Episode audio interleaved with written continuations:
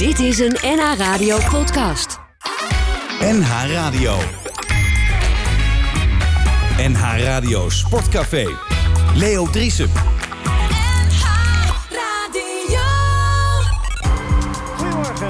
Uh, vrienden en vriendinnen van de radio, we gaan nu echt beginnen met het NH Radio Sportcafé. Gio Lippers is inmiddels ook aangeschoven. We gaan het de komende twee uur hebben over van alles en nog wat in de sport wat ons uh, voorbij komt. We gaan het zeker hebben over uh, de tweede divisie. Want Anthony Correa van Katwijk en Gertjan Tameres van Koninklijke HFC zijn hier. Rivalen, maar toch ook wel een beetje vrienden. Gertjan, mag ik het zo zien? Van mijn kant in ieder geval wel, ja. en hoe zit het bij jou, Anthony? Ik uh, sluit meer bij aan. Oh ja, lekker veilig. Lekker veilig. Nee, lekker maar... veilig, ja. Ja. Hey, uh, nou ja, zijn jullie er helemaal klaar voor weer? Is de, wanneer begint de competitie? Over een week of drie, vier? 19 augustus. Uh, dus een week of vier... ja. Nog voorbereiden. Gertjan, hoe, hoe staat het bij de Koninklijke HFC? Ik zag dat jullie 14 spelers zijn kwijtgeraakt. 14. Ja, klopt. Uh, van de laatste competitiewedstrijd, uh, er mogen er 18 mee. Zijn er 14 uh, vertrokken. Dus ja, we zijn weer druk aan het, aan het bouwen. En we moeten nog een paar, paar spelers erbij hebben. Alleen dat is nog niet makkelijk. Nee, want jullie zijn niet de rijkste club als het gaat om op die manier spelers binnen te halen. Wat, wat is jullie zeg maar sterkste argument om een, een speler waarin je geïnteresseerd bent binnen te halen? Nou, we zijn denk ik één een uh, bijzondere club. Uh, waar het iets anders aan toe gaat dan bij de gemiddelde andere club. En ja. uh, ik denk dat jonge jongens bij ons wel de mogelijkheid krijgen om veel te spelen, zich te ontwikkelen. En daardoor weer een stap naar betaalde voetbal of een stap hogerop te maken. Ja. En wat maakt Katwijk speciaal, Ento? Anthony, Korea, sorry. Nou, ik denk wat Katwijk de laatste jaren speciaal maakt, is dat we aardig wat titels hebben binnengehaald in de afgelopen jaren. Ja, twee uit twee. Dus uh, dat is wel heel speciaal. Um, en ik denk dat Gert-Jan het mooi schetst. Uh, Konka FC is een club waar opleiden uh, hoog in het vaandel staat. Geweldige jeugdopleiding, topniveau. En dan nemen jullie ze over? Sorry? En dan nemen jullie ze over? Nee, wij, wij, wij, nemen alleen de jongens die ze van elders halen... die nemen we dan weer door. Die, die jongens die ze zelf opleiden, die mogen naar de BVO's. Um, nee, dat is zo, zo simpel. Ik snap waar je naartoe Kijk wil. eerst of we bij ons goed doen. Ja, ja, ja. het is een soort van 1 2 die ik altijd met Gert-Jan maak. Maar die uh, houden we voor ons. Nou, niet uh, meer, nu, want nu weet iedereen het. Sorry? N niet meer uh, voor je houden, dus uh, nu weet iedereen. Nee, joh, nee joh. To toevallig hebben we Sietse Brandsma en Contros uh, dit jaar naar Katwijk gehaald vanuit HFC. Maar ehm, in goed overleg, al waren ze het er niet mee eens. Nee, dus dat, is, dat overleg had ik wel eens willen worden. Nee, het is goed overleg geweest, maar we zijn het er niet mee eens. Prima. Ja, ja moet kunnen. Dadelijk meer, jongens. Fijn dat jullie er zijn. Kees, Kees Wakman, ja. hoe, hoe, kom je er zo... Nou ja, ik wou zeggen, hoe kom je er zomaar door? Maar ik vul het meteen maar in. Er is natuurlijk nog de Tour de France. Waar jij tennis enorm, en wielrennen. enorm aan verknocht bent. Ja, tennis is, is voorbij. En het Tour helaas ook bijna. Alhoewel, vandaag hebben we nog een, een ja. schitterende rit. We krijgen damesvoetbal nu, hè? En het damesvoetbal. Vrouwenvoetbal. Vrouwenvoetbal. Ja. En de dames zit hebben ik echt voor de buis, hoor. Vrouwen. De dames hebben toch ook een, uh, nog een koers? Vrouwen. Ja. Vrouwen. Tour de France voor de vrouwen. Ja. Tour de France voor de vrouwen. Ja. Ja. ik weet niet of dat heel... Uh, wordt dat uitgezonden meteen live? Weet ik niet. Of op Eurosport misschien? Jawel, Eurosport? ja, ja, ja, ja, ja, iedere dag. Ja. Van Vleuten Vollering, hè? Ja. Het duel. Wordt leuk. Oh. Nou. ik moet nog een weekje door. oh ja? Ja, zeker. Oké, oké. Okay. Dachten van, nou, als je de Tour voor de mannen hebt gedaan... kun je ook meteen de Tour voor de vrouwen doen. Ja. ja. en? Ja, lekker. Wat moet ik anders? Oké, Kees, Dekkers uitgeschakeld, hè? Ja, verloren. Ja. Hij deed het goed. Ja. Ja. Ja, goed. Toch uh, twee potjes uh, gewonnen. En het wordt ook wel tijd dat hij zich uh, op, op, in eerste instantie op challenger niveau gaat laten zien. Weten jullie over wie we het hebben? De zoon van Richard ah. Krajicek. Alec, Dik hey, Dikkers. Alec. Uh, dat anders uh, achterna misschien te veel op zijn schouders weegt. Ja, hoe zeg je dat? Maar probeert zich weg te banen. Ja, het, het, het, het moet er nog eventjes... hij moet nog eventjes... ja, nu speelde je doorbraak maken. Huh? Weet jij dat? Dat ga ik even voor je opzoeken. Gaat Leo nu een vraag stellen en dan zoek ik dat even voor je op. Hoe oud is hij? een andere vraag. 19. Gerard, Gerard nee. uh, heb, jij, heb jij de Tour de France een beetje gevolgd? Gerard ja, van der ik heb van de week echt vastgekluisterd gezeten ja. in de tv. Ik was niet vooruit te branden. Mevrouw, uh, ik kreeg zelfs, uh, zelfs een beetje, die... beetje de pist in. Ook niet naar een kaashuis of zo? Nee, dat ga ik zo. Dus je moet een beetje doorgaan, snel met het programma... want ik moet naar Ridders Kaashuis. Oh ja. Hij is 23. Dus nou, 23. Oh, ja, zo jong, hè? Ja, nee. nee. nee. Dan uh, wordt het wel tijd. Hè? Ja. Maar er zijn ook laadbloeiers, hè? Ja, ik wou zeggen, of je bent een laadbloeier. Ja. ja, dat kan ook natuurlijk. Maar Gerard, eh, genoten van de week? zei- Want het is Ja, natuurlijk ik vond het vaak- geweldig. Ik Ja, het wat, wat sprong eruit als het meest geweldige moment? Nou ja, ik, ik, ik, eh, iedere keer zat ik dus te kijken. En, en eh, dan zie je iedere dag die twee maar achter elkaar rijden. En dan dacht ik bij mij, als die Roodje, nou, of die, die, eh, die eh, hoe heet die? Pogacar, nou wat wil, dan moet hij nou weggaan. Want ik had dan het idee dat, dat, eh, dat die vingerkaart ja, niet zo comfortabel zit. Die moest steeds gaan staan, weet je wel. En ik dacht, godverdomme, ga nou eens. Ja, maar dan wacht hij tot vlak voor het eind. En dan, ja, dan, ja, het is nou helemaal over. Maar die, tijdrit, nou, dat, dat was echt ongelooflijk. Het leek wel of hij afgeschoten werd, zeg. Ja. Ja. ik geloof dat 30 meter had hij al anderhalve seconde voorsprong. Ja. Misschien ging je wel... Mocht, ging Hey, je- ja, hij was echt ongelooflijk. Ja. Maar ik, ik, ik hoorde ook, hij was eh, in 24 uur tijd... eh, vijf keer gecontroleerd op doping. ja.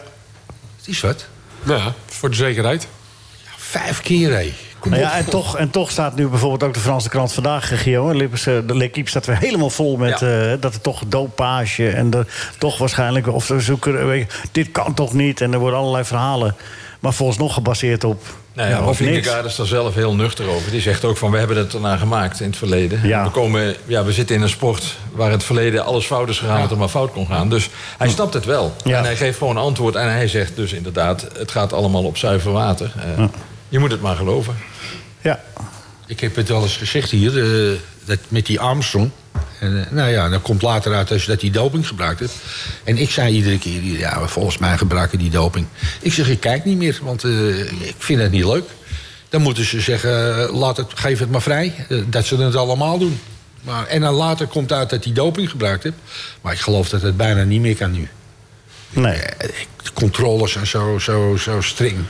Ja, aan de andere kant, dat wordt ook wel gezegd door iemand die dat, eh, die was vanochtend op de radio, die die dopingcontroles uitvoert. Hij zegt, ja, wij lopen wel achter, altijd achter de feiten aan. Hè? Want degenen die dat doen, die zijn Ja, eerst. ja. En dan duurt het een Ja. tijdje voordat wij. Ja. het is net als met de georganiseerde criminaliteit. Hè. Ik bedoel, Ja. Justitie loopt er altijd net een stapje achteraan... en dan wordt er weer iets nieuws uitgevonden... en dan moeten ze daar weer iets tegen bedenken. En zo gaat dat voortdurend Ik natuurlijk hoorde ook door. dat de, bij Feyenoord eh, kregen die spelers wel eens een pilletje. Ja, Rinus. En, en eh, daar zijn ze nu ook eh, weer ingedoken. Ja, Dat gaat wel over de 45 jaar geleden. ja maar dat, dat soort dingen verjaart niet. ze gaan daar toch Ze worden bedankt met hun pilletjes. Ik, ik kan niet meer lopen. Klaag jij nou bij deze dokter Ababa Barnel aan? Nee. Nee? nee. Ik vind het eh, geen leuk onderwerp. Je doet misschien eh, die, die renners te kort om, om, de, om, om te zeggen dat het, eh, dat het pillenwerk is. Ja. Nou ja, het is wel een beetje goedkoop inderdaad om, om het... Om het Die renners. Die renners, ja. nou, het is van de journalistiek wel een beetje goedkoop om het er gewoon maar in te gooien, weet je wel. Dan heb je weer voor uren Ja, spreekstof. ja, nou, Ja, maar in Frankrijk is het ook een gewoonte. Hè? Zo gauw er iemand is die een beetje boven het niveau presteert... en geen Fransman en is, geen Fransman en die is, Fransen ja. presteren niet... dus het is lekker makkelijk... Ja. dan komen ze meteen met eh, verdachtmakingen. Er, er loopt daar een trainer rond, een oud-trainer van Festina. Nou, je weet wel, daar was iets mee aan de hand.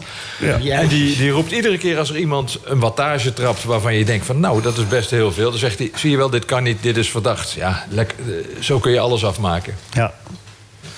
Ja, daar zit de Frans wel goed in, ja. Maar goed, eh, zolang, ja, we- ze kunnen niet meer doen dan, dan er begrip voor hebben... en, en er eh, eh, open voor staan dat er kritiek op is. Maar ja, het, is, het is inderdaad wel een beetje goedkoop... als je gewoon alleen maar zo...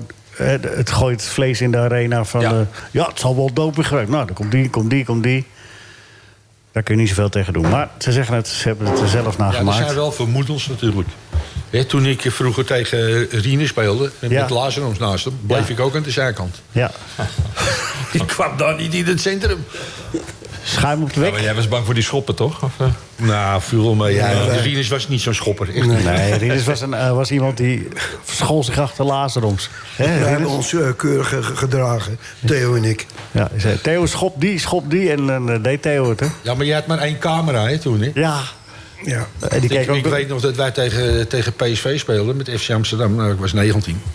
En dan eh, hadden ze Edstreem gekocht. Bij, eh, en Van de Kuil op het middenveld. Lange Space spits. Ja, en, dan, eh, en dan kwamen ze de eerste wedstrijd kwamen ze naar Amsterdam. En dan eh, zag ik die Jan Frans staan. Met Frits Flinkvleugel samen Jan Frans was centrale verdediger, hè? Ja, met Frits Flinkvleugel en Jan Jongbloed. En Ja. dan kregen ze een corner. En daar zei eh, Jan Jongbloed... eh, je- dek hem nou maar niet, die Edstreum. Hij zei, want ik kom eruit, ik, ik sla hem gewoon voor zesses. Nou, en dan stond ik zo te, toen stond de laatste. Ik denk, wat is dat nou zeg? En dan, ja, want, ja, want ze konden er niet tegen koppen. Hij, die gozer was zo sterk. Ja. En dan kwam die uit, die Jan, jongen. En dan gaf hij hem een soejang kwak. Ja, en dan ging hij dan wel naar de bal, maar sloeg er gewoon naast. En dan, dan lag hij weer, weet je wel. Ja, één camera. Tegenwoordig zag je hoeveel camera's. Het, je kan Zou niks niet doen. weten. Het zou nou geen tijd zijn Het voor werd niet eens altijd uitgezonden, toch, op tv, eh, die wedstrijden? Nee, maar in de, in de, Nee, toch? Klopt. Die, misschien dan wel, maar niet eh, als je tegen Nee, een, de een mindere team speelde. ja. En een blessure haalde de samenvatting niet, want dat was niet interessant. Maar be- beter ook dat, eh, dat het niet uitgezonden is. Nee. Nou, we hebben nog wat bewijsmateriaal over jou, eh Rinus. nee. Jij, geniet je ook van het wielrennen? Ja, Ja? fantastisch. Is het jouw favoriet die voor staat nu, of had je liever Pogacar Ja. gezien? Nee, deze vind ik eh, oké. Ja? Die kan ermee door. We hebben wel het mooiste interview van de Tour de France gezien gisteren. Hè? Van Mogoric. Echt, eh, ja. Ja. Ik zat live te kijken en ik heb hem daarna nog teruggespoeld. Want het, het, het was echt, ik vond het zo verschrikkelijk Ja. mooi. Ja, en er kwam ook heel wat... eh, Op de adrenaline kwam er een heel verhaal eh, Ja, je hebt elkaar, natuurlijk die, eh, die, eh, dat, interview met de winnaar meteen na de race is altijd een beetje... Ja, die, die, eh, diegene die de vragen stelt, die zegt altijd... Nou, wat ging er door je heen toen je over de finish komt? Hoe ging de laatste kilometer? En sommige wielrenners geven dan een wat makkelijk antwoord, een paar zinnetjes... en die hebben daar niet zoveel zin in. En je had eh, vorige keer al Pello Bilbao, dus ook de, de renner van Bahrein die de etappe won... Ja, en die, die ging al uit zichzelf ging hij al vertellen over wat er natuurlijk gebeurd was met zijn eh ploeggenoot Gino Meder. En ook wat hij allemaal had gedaan. Ja, en deze Mohoric ging helemaal los. En al zijn emotie kwam eruit. Ja. En ook over zijn medevluchters waar hij Ja. mee voor, voor opreed. Complimenteus. Ja, dat hij dus ook, die Ben O'Connor is, die kan niet sprinten. En hij zei, ja, die bleef, ondanks dat hij dus wist dat hij niet ging winnen, bleef hij toch doorrijden. En ik voelde me eigenlijk een beetje, ja, bezwaard dat ik van hem ging winnen. Ja, het was echt eh, schitterend. Echt Ja, eh het mooiste kippenvel. vond ik ook dat hij zich schaamde dat hij die Asgreen, hè, die dan voor Ja. hem eh, sprintte, dat hij die voorbij gesprint was. Ja. Dat vind ik dan echt prachtig. En maar weet je, intussen normaal wel- bij de radio heb je een regisseur die dan zegt afronden. Nou, bij hem eh, lieten ze maar doorgaan. Ja. Maar ook mentaal, hè? Hij vertelt natuurlijk ook over de, eh, de mentale dingen in die sport. Van wat, wat, wat hij voelt en wat hij ziet in die eh, drie weken eh, koers. En, en Ja. ja. dan, dan, Hoe dan weet je toch wel vaak van... winnen dat soort jongens een etappe? Hij heeft drie keer al, hoor. Hij is niet een, een kleine jongen. Nee, nee, ja, maar goed, de dag ervoor. En, en, die, en die Spanjaard ook. Vond ik Ja. ook geweldig. Hoe vaak winnen die Ja. nou een etappe? ja, maar hij zei dus ook... Ik, eh, er kunnen zo weinig mensen een etappe... Ik gun eigenlijk iedereen een Ja, tour-etappe, ja, zei hij ook ja, op het eind. Ja, ja. dat was echt schitterend. Het was echt, eh echt kippenvel. Dat is wel makkelijk praten als je hem zelf hebt, hè? Ja, hij, had er natu- hij had er natuurlijk al twee. dus had er eh, al misschien twee, kan hij dus- er eentje weggeven. Ja. Ja, nee, maar ik, ik hoorde eh Tom Dumoulin s'avonds zeggen van... eh, en wat iedereen sprak erover, zoals jij er nu ook terecht over spreekt. Wat een aardig jongen, zegt hij. Nou, ik heb hem ook wel anders meegemaakt in, het, in het peloton. En dat klopt hoor, daar heeft hij gelijk in. Ja. Het is ook een klootzakje in de koers. Maar Ja, dat moet je ook wel zijn natuurlijk. Hij is de man die vorig jaar, dat weet je misschien nog wel, Milaan Sanremo won met die drop eh, post. eh, dus dat hij dat zadel kon laten zakken, wat niemand wist dat dat mocht. Oké. En, eh, maar hij heeft ook wel eens een keer van die trucs dat hij net voor iemand anders een bocht induikt en dan up, een kwakje uitdeelt. Ja, zo kennen ze hem ook. Maar dit, dit was prachtig. Er was toch ook oneenigheid met twee renners? In het peloton? Of... Oh, Philipsen en Gisteren was Eekhoorn dat. bedoel je? Eekhoorn. Ja, Dat was- Dat was eergisteren. Ja, dat was echt eh, dat was heel leuk. Die Philipsen maakt zich heel onpopulair nu. eh. Ja, in dat Nederland. Was, even uitleggen, hè, want anders begrijpt Ja. niemand het. Nee, er was inderdaad een Nederlandse renner die wilde demareren... vanuit het peloton naar de kopgroep. Daar zat een ploeggenoot van hem. En als hij erbij kwam, dan wisten ze... van nou, dan wordt het lastig om voor de sprinters om nog eh, te gaan sprinten.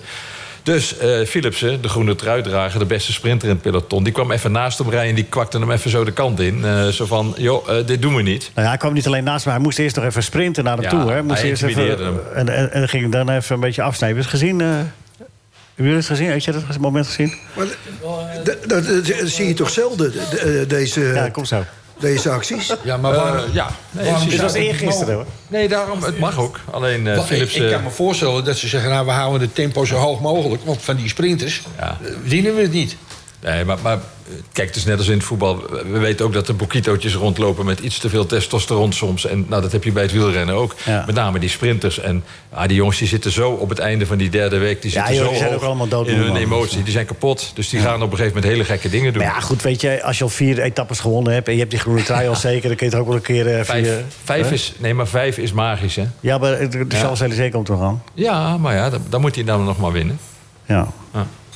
Praten met Rinus Israël, Gerrit van der Lem, Kees Kortman, Gio Lippers, Anthony Correa en Gertjan Tameris. En eh, op de reservebank is eh, toch nog binnengekomen Michael van Praag. Die eh, had eigenlijk eh, vrij, was eigenlijk op vakantie. Ben je van het park gestuurd, eh Mark? Nee. Maar ik ben zo loyaal. Ik denk... Ik, Ik kom terug voor vakantie. Ik kom even terug. Even gezellig een gebakje eten, Oh. een kopje koffie. Ja? Snap je? Nee. Je wou, je wou je oud trainer natuurlijk niet En hier ik alleen wil de laten. trainer niet in de steek laten. Nee, maar Ja. je vond het zeker te warm hè, in Spanje? Veel te warm. Ja, dat dacht ik wel. Dus je vindt het hier gezellig, Michael? Heel gezellig. nou, Ah, dat oké. zegt hij niet. Maar. Ja, ja, nee, snap ik, snap ik, snap ik. Eh, we moeten dadelijk even zeggen... Ik moet nog melden dat eh, Bert, eh Bert Dijs er ook niet is... maar die heeft wel een column en die gaat hij straks voorlezen. Dreigt hij. Maar even kijken of er voor de verbinding... daar moeten we nog tot stand zien te komen. Dus eh, we kunnen er nog van alles aan doen dat het... eh, al er niet doorgaat. Eh, eerder deze week overleed een wielrenner... die bij ons ook wel eens te gast is geweest hier. Theo Smit. Willen de heren daar wel even zich rustig houden? Ja? Het is een café, Leo. Ja, precies. Dus geven ze wat weg. Nee, eh, even stilstaan bij, de- bij het overlijden van eh, Theo, Theo Smit Gio. De, die, die vorig jaar is eh, twee of drie keer te gast geweest in de Toeringen. Hij is woensdag overleden. Of ja, woensdag. Nee, donderdag. Donderdag. donderdag. Wat was hij voor wielrenner? Heel rap, sprinter. Eh, twee toeretappes gewonnen, etappen gewonnen, etappes gewonnen in de Vuelta. Wel een hele korte periode eigenlijk, hè? 1974, 75. 1975. En, eh, maar ja, hij, hij, hij klopte inderdaad toen de, de sprintelite in de Tour. En dat was toch voor iedereen een verrassing. Nou, zeker voor de commentator toen. Ja, John. Ja. ja. Die zat maar, daar gaat Rick van Linden, Rick van Linden, Rick van Linden. Dat is Theo Smit. Maar pas op, Theo Smit sprintte wel helemaal aan de andere kant van de weg. Ja, maar ja, die was wel te zien. ja. Het was, het ja, was, een, enige. het was een grote, brede weg. Maar goed. Theo Smit, ja. eh, we wensen zijn familie heel veel sterkte. En, eh, en ja, Hij was ook heel actief trouwens, hè, nog steeds. Hè. Ook, ook eh, in het baanwielrennen. Ja. Hij is bondscoach geweest. eh, heeft volgens mij het eh, gouden wiel gekregen. eh, dit jaar nog, dacht ik in januari. Ja. Dat is dan een onderscheiding van de KNWU. Eh, veel mensen zullen zonder dat ze het weten nog wel iets thuis hebben staan van Theo Smit. Want hij was eh, ook een hele grote firma in eh, sportprijzen. Die, eh, Die heb ik nooit gewonnen. Nee, ik zeg ook veel mensen, maar niet iedereen. Nou, sterkte voor de familie. eh, Theo Smit. Theo Katapult Smit. 72 jaar geworden. Dat hij eh, maar in eh, goede gedachten mag blijven. Rinus, eh, morgen begint het vrouwenvoetbal. Ja? Dus ik neem aan dat je daar eh, wel helemaal klaar voor bent. Morgenochtend half tien. Weet je tegen, Ja, wie, dan ga ik kijken, ja. weet je tegen wie ze beginnen? Was het niet... eh, eh, Ja, Wij weten, wij weten het wel. Maar ja, ja. Dan ga je wel weer, Rinus. Portugal. eh, ik- ik- hij, weet, hij weet het wel. Portugal. Juist. Dat zijn punten, hè? Ja, bijna Maar niet voor. Het is geen quiz, dit. Portugal. En de tweede wordt eh, Amerika, dacht ik. Ja, en laatste is... eh, Ja, dat was... Vietnam, Vietnam. Vietnam. Nee, ik heb er niet echt in verdiept. Laat- Ja, dat, dat merken we wel. oh, laat ik het zo eh, stellen. Ja, maar je gaat wel kijken morgen. Ik ga kijken, ja. Ja, ja. half tien, hè? Nee, het was eerder, toch? Nee, half tien. Oh, Morgenochtend. oh, Ja, maar ja, je mag wel eerder Is gaan half, kijken. is half acht s'avonds daar. ja, maar ik moet eerst de warming-up ook nog, doen. en een beetje inlezen. Ja, Gerard, ga jij naar kijken, naar het vrouwenvoetbal? Nou, ik denk het niet. Maar mijn vrouw wel. Ja? Dan zit je nou te lachen. Nee, ik vind het helemaal niks. Maar goed. ik mag het niet meer zeggen Jawel, tegenwoordig, want het wordt, Jawel. het wordt steeds strenger als je wat zegt. Nee, als je het Nee, meent. ik vind het, ik vind het niks. Nee, en dan... Nee, gewoon. Ik heb ook tegen mijn dochters gezegd vroeger, die wou ook eh, op voetballen. Ik zeg, nee, ga, niet, ga maar lekker turnen. Of basketballen, of volleyballen. eh, niet op voetballen. Dat vind ik niks voor jullie. Maar verbood je het of raadde je het af? Nee, ik verbood het eigenlijk, min of meer. Ja? Ja. Ja, toen zei eh, Danielle, die met hem op het Siers gezeten heeft... Wijs naar Kees Kortman. Ja, wijs naar Kees. En die zei, eh, nou, dat is lekker. Ik moest we hadden voetbal en ik moest een bal trappen. kon niet eens die bal trappen. En toen zei hij, eh, je vader is, is trainer en jij kan niet eens een bal trappen. Nou, wat een afgang, dit en dat. Ik zeg ja, maar ja, jij kan wel een, een, een salto maken. En je kan op je handen lopen. En je, Zo kunnen we allemaal wat. zo hè? kunnen we allemaal wat. maar ik neem aan dus dat je niet gaat kijken. Nee, ik denk het niet. Nee. Oké. Nou, voor ik het rondje verder afmaak... want we zitten hier ook aan tafel dus dan met eh, Gio Lippers... en met Gert-Jan Tameres, Anthony Correo. Dadelijk nog even over de tweede divisie. En Kees Kwakman. Maar we hebben aan de telefoon eh, onze vaste columnist Bert Dijkstra. Bert, hoe kun je ons horen? Ja, zeker. Waar zit je eigenlijk? Goedemorgen. Ik zit in het zuidelijkste puntje van Spanje. Warm, hè? Nee! Man, ik, heb, ik zit hier in, mijn Telstar trainingsjet. Het is, het is kil vandaag. Oh. Zit je, weet je zeker dat je in Spanje zit? Ja, ja of, of hij moet, dit vliegtuig moet de andere kant op gevlogen zijn. Maar ik ga er toch nog steeds vanuit dat het hier in Spanje is, ja. Zullen we die tune starten dat jij dan die column doet? Ja, dat lijkt me een goed plan. De column van de column. De column, de kop, de kop, de kop. De kop, de kop, de, de column van Bert Dijkstra. Dijkstra. De column van Bert Dijkstra. In het zuidelijkste puntje van Spanje zat ik zonder airco in een appartement met veel ramen. Op tv naar de beslissende toeretappe te kijken. En had dus al hartstikke dood moeten zijn. Of toch op zijn minst zo uitgepierd als Pogacar op de flanken van de Col de la Loze. Waarom? Omdat de almachtige weermannen en andere pseudo-klimatologen dat zeiden. Wijzend naar de weerkaarten met het rood en zwart van de duivelse hel... waarin ik, vermalkt bij de vliegtoerist, zal branden. Maar krijg nou wat, ik leef nog. Ja, het was hier woensdag snikheet. Niet geheel ongebruikelijk had je zomer in dit deel van Europa. En nee, ik heb net als 17 miljoen landgenoten geen verstand van klimaatontwikkelingen en ben geen bappie die stellig blijft ontkennen dat de aarde opwarmt. Maar na een kleine halve eeuw in de journalistiek heb ik toevallig wel verstand van demagogie. En dus klom, met dank aan de NOS, mijn lichaamstemperatuur sneller dan Vindegaard naar recordhoogte. toen de helft van het toerscherm in beslag werd genomen door een wijsneus met een boodschap. Hij stond bij een bergmeertje en sprak over smeltende gletsjers. Gletsjers zijn als wielrenners die te weinig hebben gegeten en gedronken, sloot de professor zijn moralistische betoog af. Die winnen ook niet. Hebben ze goed over nagedacht aan de vergadertafels van de NOS? Snel profiteren van de hitte die door Zuid-Europa waart, zodat we allemaal tekenen bij het kruisje van de absurdistische klimaatplannen van Rob Jetten en Frans Timmermans, waarna de gletsjers een bidon en een banaan aangereikt krijgen om alsnog de etappe te winnen in de 0,00036 graden Celsius afkoelende tour van het leven.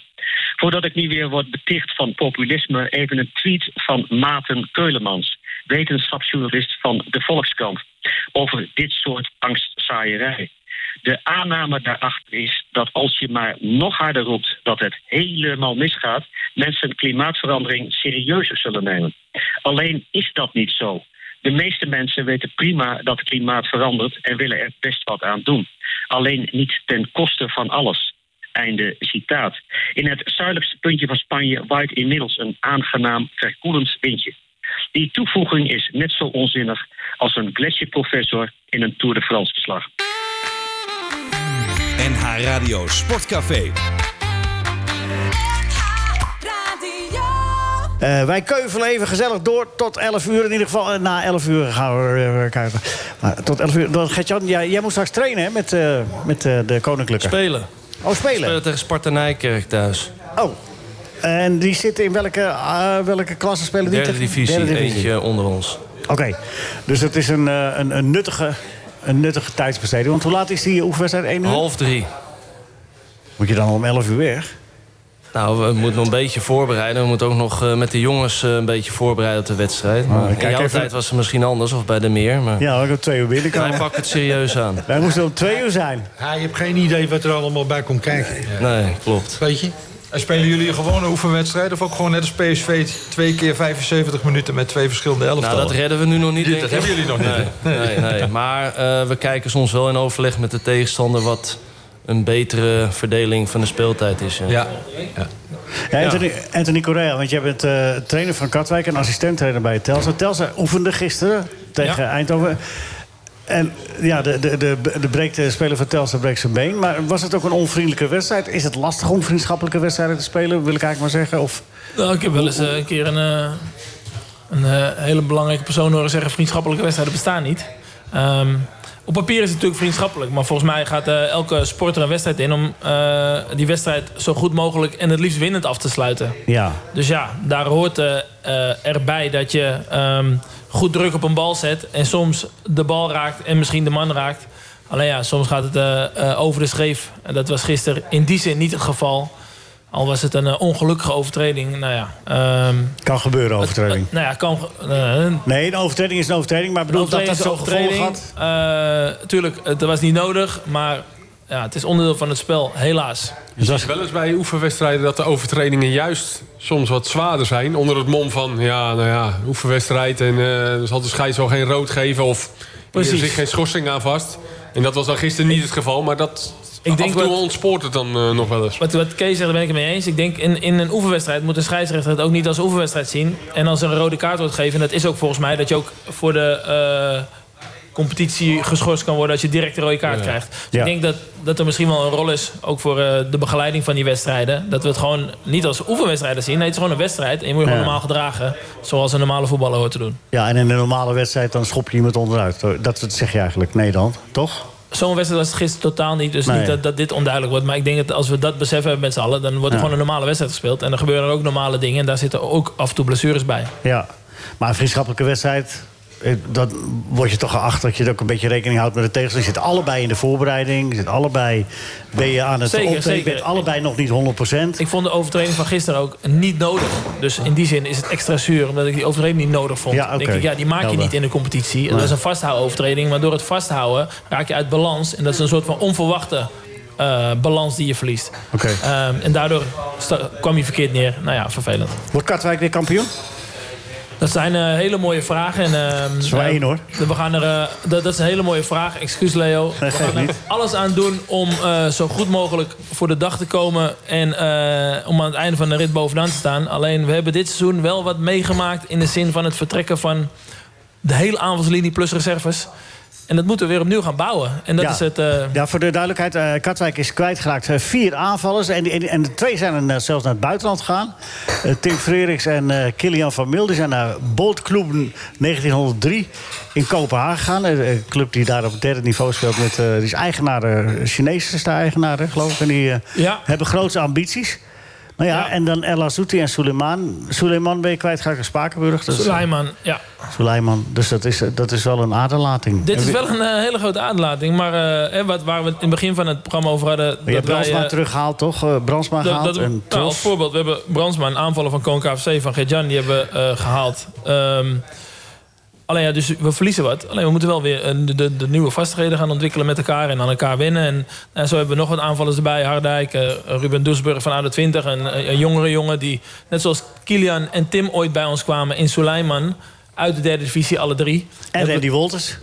Die hebben we er ook bij, ja. En uh, een beetje ervaring kan nooit kwaad. De jongens die het klap van de zweep kennen. Ja. Um, nou ja, het is een hele gezellige gozer ook. Dus ik denk in de teambuilding dat hij misschien ook wel uh, van pas kan Brandsma komen. is een goede speler, toch? Uh, misschien, misschien inderdaad Gert-Jan. Uh, daar heb ik wel eens ook van de, van de Volendammer de jongens bij AFC... zeiden ook wel eens van, ja, dat is echt een goede speler. Die misschien wel ja, richting betaald voetbal, ik weet niet hij is. heeft hele specifieke kwaliteiten. En kan ook sommige dingen niet. En dat weet hij van zichzelf. En dat maakt het een spits die... Um, ja, hij is snel, hij... Um, behoorlijke lengte. Uh, kan een goal maken. Uh, maar is ook bereid om uh, heel veel druk te zetten. Om veel diep te gaan. Ja, dat is voor elke tegenstander vervelend. Maar kijk, technisch is balcontrole, bal afschermen. Daar is hij wat minder in. Waardoor hij denk ik de stap naar betaalde voetbal... dat ze, dan, dat ze voor andere opties uh, kiezen. Het zijn op zich wel dingen die je wat makkelijker kan leren... dan een neusje voor de goal of snelheid of dat soort dingen. Klopt. Hoe oud is hij? Nou, ik denk dat Sietse nu al uh, 5, 26 ja, is, ja. Al net te laat waarschijnlijk. En ik vraag me ook af of uh, Sietse... Um, ja, de echte eh, betaald voetbalmentaliteit zeg maar, heeft. Hij eh, heeft gestudeerd, heeft nu een baan. eh, Ja, vindt precies. het eh, leven in de Ja. hoek op Langendijk ook heel leuk. Zoals Floris van der Linden dat niet heeft gedaan naar Precies, Groningen bij precies. Spakenburg. Dus ik denk Ja. niet dat hij heel snel deze stap nu nog zou gaan Ja. maken. Dat had dat eerder gemoeten. Ja, Floris die kon naar Groningen. hè? Die Ja, had aanbieding kon naar Groningen. Ja, ja. Dat hij het zo goed deed in de, in de, beker, eh, in de bekerrondes natuurlijk. Dus ja. Komt ook bij HFC vandaan. hè? Ja, en daarna, tel, en daarna Telstar. en, eh, Nee, daarvoor. op laten oh ja, daarvoor. ja, hij komt eigenlijk uit Oude Kerk, hè? Oude Kerk eh, en toen naar Telstar. Telstar natuurlijk. Toen hebben we hem opgeleid bij Telstar. Ja. ja, dat zijn mooie verhalen over te vertellen. Maar dat, eh, dat is ander. Eh Gert-Jan, tweede divisie. Katwijk wordt twee keer achter elkaar kampioen. En dat, daar houdt het mee op. En dan blijven ze in de tweede divisie. Eh, mensen die van buiten afkijken, die zeggen... hé, hey, hoe, zit dat? Waarom gaan jullie niet naar de eerste divisie? Wat vind jij? Moet dat, moet dat nou nu maar verplicht opengesteld worden? Dat er doorstroming is, naar boven en naar beneden toe? Poeh. Ehm, lastig, want niet alle amateurclubs zijn eh, erop ingesteld, denk ik, om die stap te maken. Financieel, accommodatie, en er gaat zoveel investeringen in zitten om die stap eh, dan te maken. Maar eigenlijk zou ik vinden dat een, een club die eh, dat wel voor elkaar heeft en die ambitie wel heeft, dat die, als die dan kampioen wordt, de mogelijkheid moet hebben. Ja, maar en ja, dat is dan- maar eh, jammer voor de nummer laatste in de keukenkampioen-divisie. Maar die dat- weet dan niet of hij degradeert. Dat weet hij pas op het laatste moment. Want als die club Ja. kampioen wordt, dan wel. Ja. En als die het wordt, niet. Ja, nou, dat zou ik wel eh, eerlijker vinden. Alleen ik vraag me af of er veel amateurclubs die stappen uiteindelijk ook echt willen maken. Hoe ligt dat bij Katwijk, Ento? Nou, ehm, ik weet dat eh, in het verleden eh, Katwijk nee heeft gezegd. En toen dat op het moment dat Achilles ehm, eh, naar het betaalde voetbal ging, heeft Katwijk toen nee gezegd. Want die mochten, want volgens mij waren die toen al geen langskampioen geworden. Ja. Toen hebben ze wel gezegd, als het nog een keer voor gaat komen, willen wij er klaar voor zijn. Dus qua voorwaarden voldoen we aan heel veel voorwaarden. Alleen ehm, to- toch is die stap is groter dan het lijkt van de buitenkant. En ik denk dat we eerst dat gat moeten gaan dichten samen met de KNVB. En dat die stap wat kleiner wordt. Net zoals in Engeland. Als jij vanuit de eh, Championship naar de Premier League... dan krijg je een financiële injectie waar een paard de hik van krijgt. En als je degradeert ook weer. En als je degradeert, krijg je ook een steun. Dus in die, in die zin hè, eh, is dat ehm, heel makkelijk om te overleven. Als wij Achilles, nu... Achilles, toen ze naar de eh, eerste divisie gingen, kreeg ook eh, heel veel steun. Hè? Want het was een eh, paradepaardje voor de KNVB om te laten Ja. zien dat het kon. Ja. En dat, die, die hebben dat geld verkwanseld daar. Dat is een ander verhaal. En dat, dat, dat is weer een ander verhaal. Dus dat had een mooi project kunnen zijn als het goed was gaan. Maar goed, dat, dat is niet zo. Ehm, nu, nu denk ik dat het gat tussen tweede divisie en eerste divisie... op dat gebied... Nou, als wij, eh, noem eens wat, eh, één keer in de week extra gaan trainen... en qua fa- faciliteiten wat meer mogelijkheden zouden krijgen... Qua ehm, eh, voorwaarden, qua team, qua wa- wa- wat er om een team heen hoort... als staf, als bestuur... zijn wij in die zin nou, er misschien wel klaar voor als Katwijk zijnde. En wel meer clubs. Hè? Spakenburg eh, wint van Utrecht, wint van Hey, Groningen. Spakenburg zijn gigantisch grote clubs. Ja. Die, die, die hebben het zo goed voor elkaar. En AFC Amsterdam. Stel, stel dat die zouden moeten... brengen, Dan zouden zij dat misschien wel eh, eh, redden. Ja. Ehm, alleen ja... ehm, zolang we dat gat niet dichten... is het denk ik niet eh, aan, ter sprake nu. En, wat bij ons belangrijk is... dat we op zaterdag moeten spelen. Ja, Katwijk leeft namelijk van de supporters. Dat is de levensader van, van de club. En als die mensen die werken van maand tot met vrijdag keihard in de vissen, in de bo- Ja. bloembollen. Eh, die kijken op zaterdag voetbal en niet op vrijdag en zeker niet op zondag. Dus dat is de enige voorwaarde. En ik weet niet of de KNVB er ook aan kan voldoen in verband met Thuiswedstrijden op zaterdag. Hè? Want uit zullen ze wel op vrijdag moeten spelen natuurlijk dan. eh, nou, ook daarin denk ik dat als je tegen Katwijk speelt... en jij bent de eh thuisspelende ploeg... dat je heel graag onze supporters wil hebben. Nou. Want die brengen een boel lawaai en gezelligheid mee. Dus dan moet je ook op zaterdag spelen. Oh, nou, ik zal het doorgeven. Dus dat is gewoon een tip. ja, nee, nee, het, tamelijk dwingende tip kan ik je meedelen. Nee, joh, eh, gewoon eh, lichte dwang, lichte dwang. Ja, Ge- Gert-Jan Gert-Jan Termeres, hoe sta jij er tegenover? Hoe staat Koninklijke HFC er tegenover? tegenover eh, stel dat je eh, per ongeluk... Nou, volgens mij staat er heel simpel bij ons in de statuten dat we een amateurclub zijn. Oh. Dus eh, dat, daar zou eerst wat moeten veranderen om, eh, om eh, eventueel die stap te maken. Ja, Maar je vertelt ook net al over die speler Ja. die een baan erbij heeft. Je moet opeens eh 18 full profs eh, gaan, kijk, eh, krijgen. dat is natuurlijk wij best wel lastig. Wij hebben nu al heel veel moeite om eh, in de tweede divisie ons hoofd boven water te houden. Eh, selectie eh, op eh, kwaliteit eh, te hebben. Maar sorry dat je onderbreekt. Dat is toch in elke divisie zo? Er zijn clubs in de eredivisie die moeite hebben om zich daar te handhaven. Ja. Er zijn clubs in de eerste divisie Nee, die moeite ik- hebben om dat is ook helemaal niet erg. Maar om dan Dus- eh, ook nog een eh, stap hoger te ambiëren... vind ik wat, wat ver gaan. En financieel, Leo, als jij nu... Hè, Dick, Schreuder en Johan Plat zijn nu naar de derde divisie in Spanje. Nou, Ja. ik, ik, ik- Johan... Castellon. Ja, dus Jo- Johan heb ik toevallig van de week nog even mee geappt. En als je dan hoort wat daar de mogelijkheden zijn. En je hebt, ik heb die beelden gezien van die play-off wedstrijden op het eind. Ja, daar zaten weet ik hoeveel man. Ja, het, het, in Nederland is het financieel zoveel minder. In de eerste divisie, nou ja, ik hoef jullie niet te vertellen, alle drie... wat je bij clubs als Telstar, Os daar verdient. Dat is al minimaal. Dus dan de divisie daaronder zit je misschien zelfs nog af en toe wat hoger. Ja, het financiële... Het is financieel misschien niet helemaal Nee, het gaat mogelijk mij- in Nederland. Het gaat mij meer om het sportieve aspect. Ja, En daar ben ik helemaal met je eens. Want het is natuurlijk dramatisch dat Helmond en Os en Dordrecht... en noem ze allemaal maar op... eh, gewoon al vanaf, eigenlijk vanaf november... Ja, op een nergens meer om spelen. Ja, een periodetitel die ze heel misschien kunnen winnen. En dat zijn er tegenwoordig negen wedstrijden. Nou, dat is al, dat, dat is al lastig voor die, eh, voor die ploegen. Ja. Natuurlijk is dat, is dat zo. Dus eh, dat ben ik helemaal met je eens. Dat het sportief het beste zou zijn. Maar ja, ik, ik denk dat er gewoon te veel haken en ogen aan zit. Ja, zeker voor de onderkant tweede divisie. Maar ik ben het met Anthony eens dat er wel een aantal clubs eh, zitten... die eh, die stap makkelijker zouden kunnen maken. Maar En die komen daar toch ook automatisch, eh, redelijk automatisch voor in aanmerking. Dat zijn toch ook de clubs die dan de betere selecties hebben. De clubs die naar Spakenburg, nou, die, hebben het, die doen het dan niet zo goed. Maar nou, gelukkig Maar- bewijzen wij wel is dat je niet over die financiële middelen hoeft te nee, dat beschikken.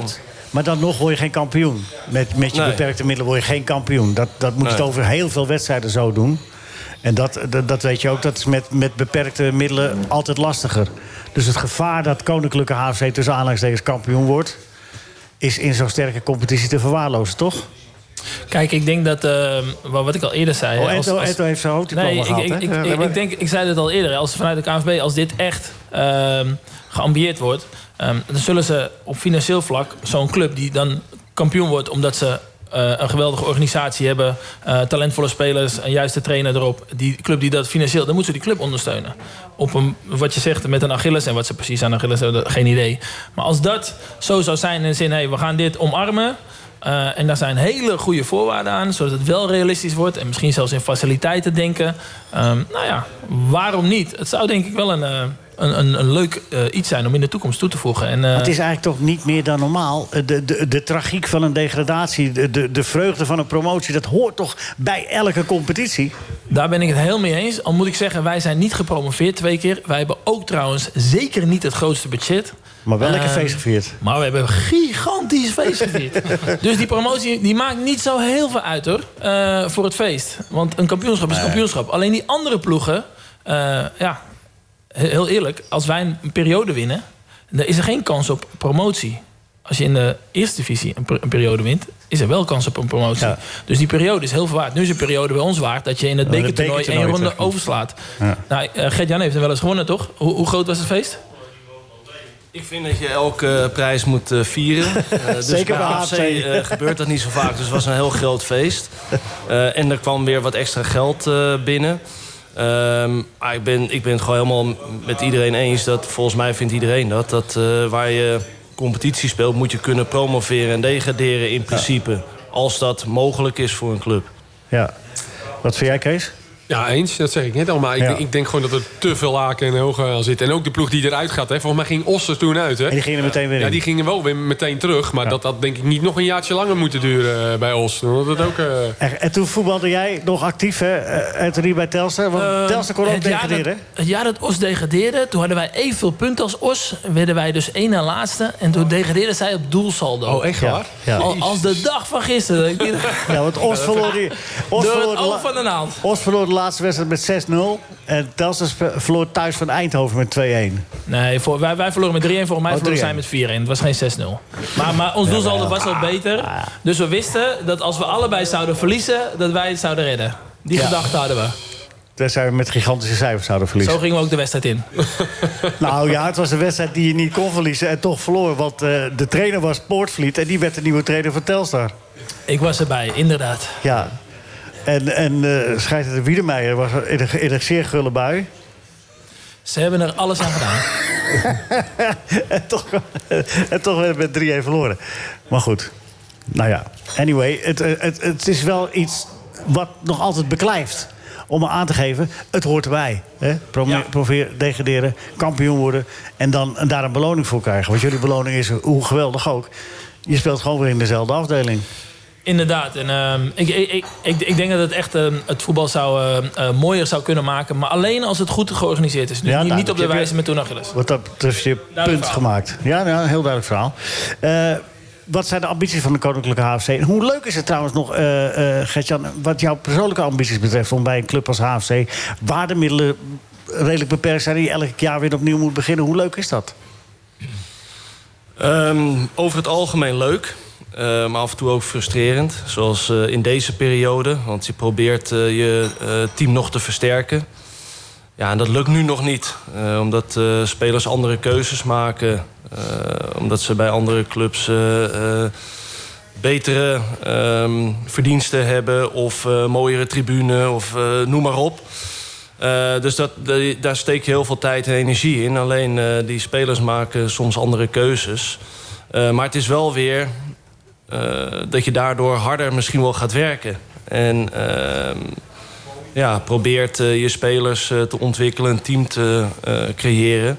Om toch eh, eh, weer opnieuw eh, te presteren. Want de afgelopen twee seizoenen zijn we in het linker rijtje geëindigd. En je vroeg wat de doelstelling is. En dat is eigenlijk dit seizoen weer de doelstelling. Ja, dat zal wel weer wat lastiger worden... want je, je moet echt inderdaad opnieuw beginnen... en, je, en hele goede spelers zijn weggegaan. Ja, maar dat, dat gebeurt dus, eh, zoals je Ja, net ja. volgens mij zelf al zei, ieder jaar wel een beetje. Ja. Eh, maar dat is geen garantie dat het dit jaar weer zomaar weer even goed gaat. Dus eh, we zijn hard aan het werk. En we kijken nog steeds goed om ons heen. En proberen spelers nog te verleiden om voor ons te gaan voetballen. Ehm, maar dat maakt de uitdaging extra groot. Maar zoals ik al zei, soms is het wel een beetje frustrerend. Ja. Ja. Maar je zit ook bij Ajax? Ja, klopt. wat, eh, eh, en en, en eh, welke, eh, welke leeftijdsgroep? Ja, de bovenbouw, onder 17, onder 18. Daar ben ik eh skill trainer. Ehm, een soort assistent trainer, maar ook verantwoordelijk voor de individuele trainingen en een aantal eh, talenten die je wat extra eh, aandacht eh, geeft om zich eh, optimaal te ontwikkelen. Ze hebben wel eh, rare beroepen bij Ajax. Hè? Want ik lees dat Michel Kreek, die wordt looncoach. Ja. Ja, die gaat volgens mij de verhuurde spelers begeleiden. Ja. Ja, ja. Spelers die verhuurd zijn dus. Ja. Die zijn, nou ja, op zich is het geen slecht. nee, nee. Je hoort vaak dat die te weinig aandacht krijgen. En, eh, dus op zich vind ik het een goede, goede zet. Je moet het er wel een zootje zijn natuurlijk. Als het er eh, vier zijn, dan... eh, Het komt mij een beetje over als een... eh, als een, eh, een gezocht baantje. ja. Het is eh, volgens mij een Engels model. Dus vol- volgens mij is dat looncoach, is een Engels model. Dat weet je dat wij betelsten wel ja, eens het is ook een Engels woord. Ja. Dus het, het kan zo. Coach, coach, is een Engels woordje. Ja, loon ook. Ja, het ligt aan hoe je het... alleen zo. hoe het spelt. Du- Dubbel O. Gaat, Ehm, nee joh, maar het, het, het, is eh, uit Engeland. eh wij hadden André, Andrea Nov- Novakovic en Ryan Seeger ooit bij Telstar. En die hadden ook, er kwam zo nu en dan een, een, eh, een looncoach met de OA. Die Oh, ik dacht dat eh Pipe Buren dat zelf deed, maar dat... dat het... No. Nee? Oké, oké. Eh, goed, voordat je weg moet, je moet wel even quizzen, eh Gert-Jan. Quizzen? Quizzen, ja. Moet even en Michael, jij bent, je bent al weliswaar... eh, je bent er niet, maar je moet wel even eh, jury zijn, ja? Mag ik nog wel even een vraag stellen? Ja, natuurlijk. natuurlijk. Hebben we nog even de tijd? Ja, ja, hebben we nog even. Voor jullie alle twee. eh, hebben jullie ook een baan? Nou, ze hebben twee trainersbanen. Allebei hebben we twee trainersbanen. En eh, dat eh, eh, vraagt zoveel tijd. Dat eh, een andere baan daarnaast eh, wordt wat te veel. Ja. Dus jullie hebben alle twee ook wel de ambitie om, om eventueel door te gaan. Nou, Anthony heeft net zijn coach betaald voetbal gehaald. Dus Ja. die eh, eh, kan in betaalde voetbal als hoofdtrainer eh, aan de slag. Ik heb dat nog niet, maar dat wil niet zeggen dat ik geen ambities heb om Nee, nee. eh, Dus in betaalde assistent voetbal in betaald gaan. voetbal Ja. of zo, ja. En jij gaat ook die cursus toch wel doen een keer? Op enig moment? Eh, een keer eh, is wel eh, wat er in, in de planning staat, ja. Ja. Ik kan misschien wat werkstukken van Anthony overnemen, of niet, Enter? Ik lever gewoon zijn, zijn werk in. Heb je toch tegenwoordig programmaatjes voor? Precies. ja, ja, Oh ja, ja, ja, ja, de AI-trainers. Voordat we de mop van Loek gaan doen, jij moet jij even quizzen. Want we, gaan, eh, de- we hebben algemene vragen en we hebben de René en Willy vraag. Dat weet je nog wel hè, van de vorige keer. Eh, waar wil je de verdubbelde punten inzetten? Bij de algemene vraag, dat je dubbele punten krijgt als je het goed hebt? Of bij de René en Willy vraag? René en Willy vraag. Oké, dan krijg je eerst de algemene vraag. Wie... Nee, die niet. Noem... Nou, een hele makkelijke doen. Ja. Oh, er komt nog meer. Van welke Amerikaanse staat was Arnold Schwarzenegger gouverneur... eh, zit jou, zeg je al Californië voor? Zei je dat, Gio? Ik zei helemaal niks. Maar ik Zeg dacht het wel. Nou, ik hoef het niet meer te zeggen, toch? Ja, ja, wel. Californië. Ja, dat is helemaal goed. Dat is geweldig. En nu de René en Willy vraag. Dat levert 20 punten op volgens mij, hè, Michael? De René en Willy vraag. Corrie Konings gaat waarschijnlijk optreden in Uden. Nou, mijn broer ligt al voor de tent, hoor. Ik weet... eh, eh, Ja, wie zei het? Willy of. René? Zeg maar. René natuurlijk. Nou, het is Willy, maar omdat je, je je? krijgt dispensatie en het is eh, dus toch goed. Wordt het goed gerekend, ja. Ja. hey, heel veel plezier eh, straks bij de wedstrijd tegen Sparta Nijkerk. Dankjewel, En, eh, gaat fijn goed komen, Kom eh, midden in het seizoen nog een keer. Jij blijft nog even zitten, Anthony. Want eh, je- je bent vrij, hè, met eh Telstar en met Katwijk. We eindigen het eerste uur, zoals te doen gebruikelijk. Hij komt altijd weer even vrolijk uit de hoek. Hier is hij, Loek. Er gaat een oud Jiddisch echtpaar op vakantie naar Israël. Zitten ze in de taxi naar Schiphol. Zet die taxichauffeur, waar ga je naartoe met vakantie? Zet die oude baas, we gaan naar Israël. Zet het oude vrouwtje. Wat zegt hij? Hij zegt, die man die vraagt waar we naartoe gaan met vakantie. Zet die taxichauffeur, waar ga je naartoe in Israël? Zet die oude baas, we gaan naar Eilat. Het oude vrouwtje weer. Wat zegt hij? Hij zegt, die man die vraagt waar we naartoe gaan in Israël. Zit die taxichauffeur Eilat? Daar heb ik de slechtste wip gemaakt van mijn leven. Zegt het oude vrouwtje weer. Wat zegt hij? Zegt die oude baas, hij kent je nog van vroeger. Niet aardig, hè? NH Radio. NH Radio Sportcafé. Leo Driesen. Goedemorgen, vrienden en vriendinnen van de radio en van de muziek en van het café gebeuren. Ik bent u hartelijk welkom in Café 1890 tot 12 uur gaat hier nog NH Radio Sportcafé eh, verder. Met het gezelschap van eh, Gerard van der Lem. Gerard, half tien is niet te vroeg voor jou, hè? Je gaat wel gewoon eh, morgenochtend. Nou ja, als mijn vrouw een eitje kookt voor me, dan, eh, Oh, volwaardes. dan ga ik wel even zitten. Ach, gossie.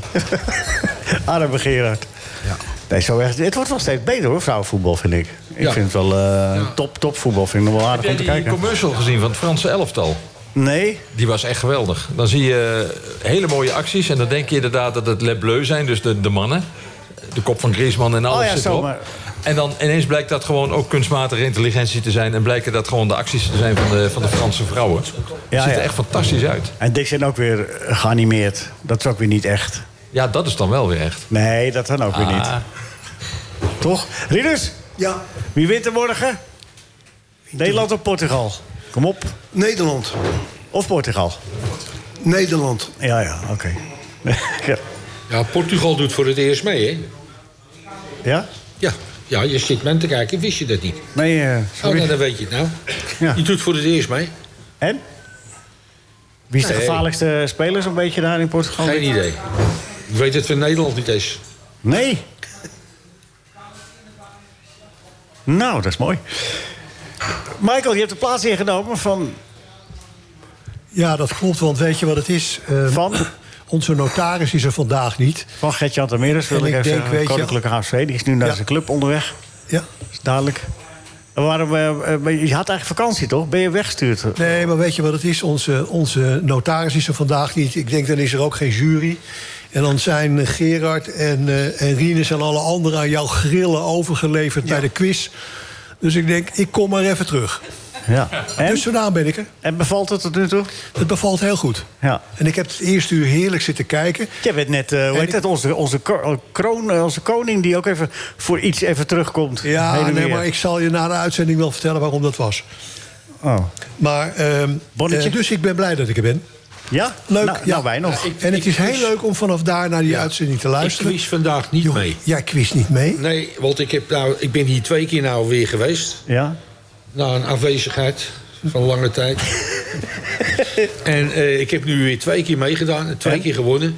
Ik vind het niet leuk voor de andere mensen. Maar als ik je nou dus ga- ik, eh, ik quiz vandaag niet mee. Als ik je nou garandeer dat je niet wint vandaag. Nou, dat vind ik wel netjes. Doe je dan wel mee? Nou ja, ik weet zeker dat ik niet win vandaag. Want ik doe niet mee. nou, Nee. ik had zulke leuke vragen voor je. Ja, nou, dat kan me niet En schelen. ik moet ook nog wat rechtzetten. Wil je dat ik dat doe? Nee, nu even nog niet. Oké. Nee, we gaan even cliffhangen. Goed. Maar er wordt straks nog wat rechtgezet, mensen. Niet te geloven. Eh, Anthony, even voor jou. Eh, er staat hier... Door de VAR, dus een stelling... door de VAR worden arbiters en, eh, minder scherp... en ze worden ook luier. Wat vind je daarvan? Eh, is dat een eens-oneens vraag? Want dan ben ik het oneens. Oké. Mooi. En jij, Kees? Nee, dat is niet waar, toch? Ik denk wel dat het voor de scheidsrechters een aanpassing is eh, geweest in hun... ja, niet zozeer in hun manier van fluiten... maar ik denk wel dat het onbewust... dat het wel bij de scheidsrechters in hun hoofd zit. En dat je ook soms wel eens ziet, voor mij bij Makkeli vaak... dat hij vaak even wacht met een kaart trekken... en dat hij dan toch wel stiekem op zijn oor iets krijgt van... Ja. Ook wel soms dat het gewoon geel is. En dan gaan ze even kijken en dan horen ze nou geel en dan geven ze geel. Dus ik denk wel dat het een aanpassing is geweest voor de scheids. En voor de grensrechters natuurlijk ook. Met die nieuwe regels van wachten met dat vlaggen. En, eh, en als er dan geen VAR is in het bekertoernooi bijvoorbeeld... dan moeten ze wel weer meteen vlaggen. Hè, want dan kunnen ze niet wachten. Dus het is voor de arbitrage ook... eh, maar inmiddels zijn ze denk ik toch wel gewend aan alle, alle Ja, is ook zo. Is ook zo. Maar het was ook maar een stelling. Eh, eh, eh, eh, is er nou, in het wielrennen zit er ook een VAR? eh? Ja, zeker. Ja. ja.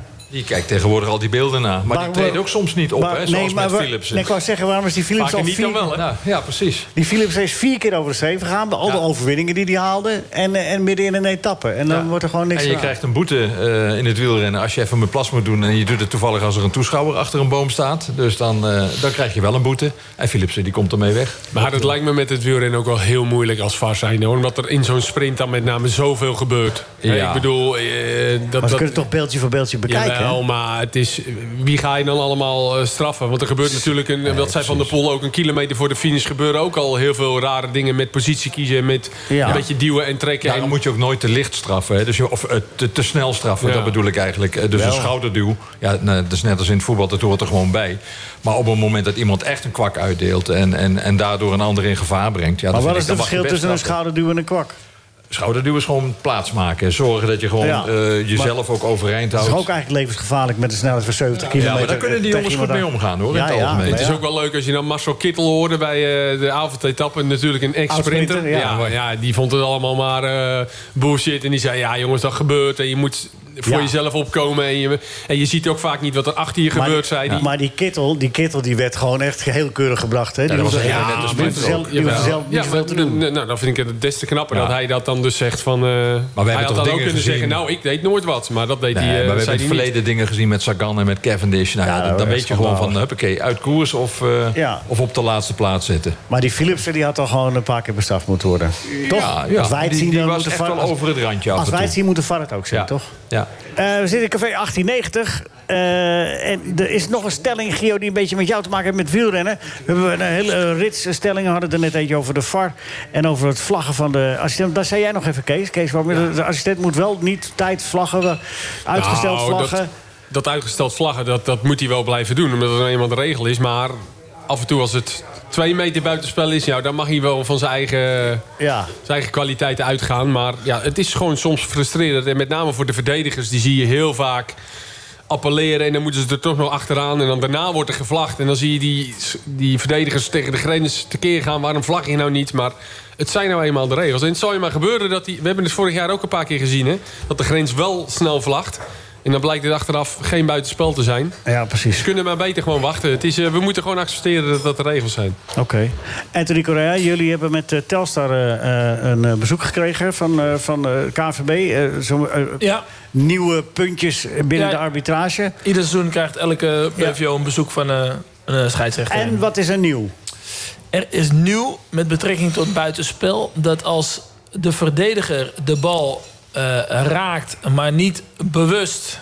Ehm, dus hij schamt hem als het ware. Ja. Dan kon het zo zijn dat dat dan nu geen buitenspel was. Maar dat is nu wel gewoon buitenspel. Dus als je in buitenspelpositie staat en de verdediger speelt de bal niet bewust naar jou... of hij is in de lucht, waardoor hij eh, in principe de bal niet geweldig kan controleren... dus hij schamt hem of hij kopt hem door... dan eh, sta je gewoon wel weer buitenspel. En die regel, die, dat was een beetje een grijs gebiedregel... dus die hebben ze gewoon uitgehaald.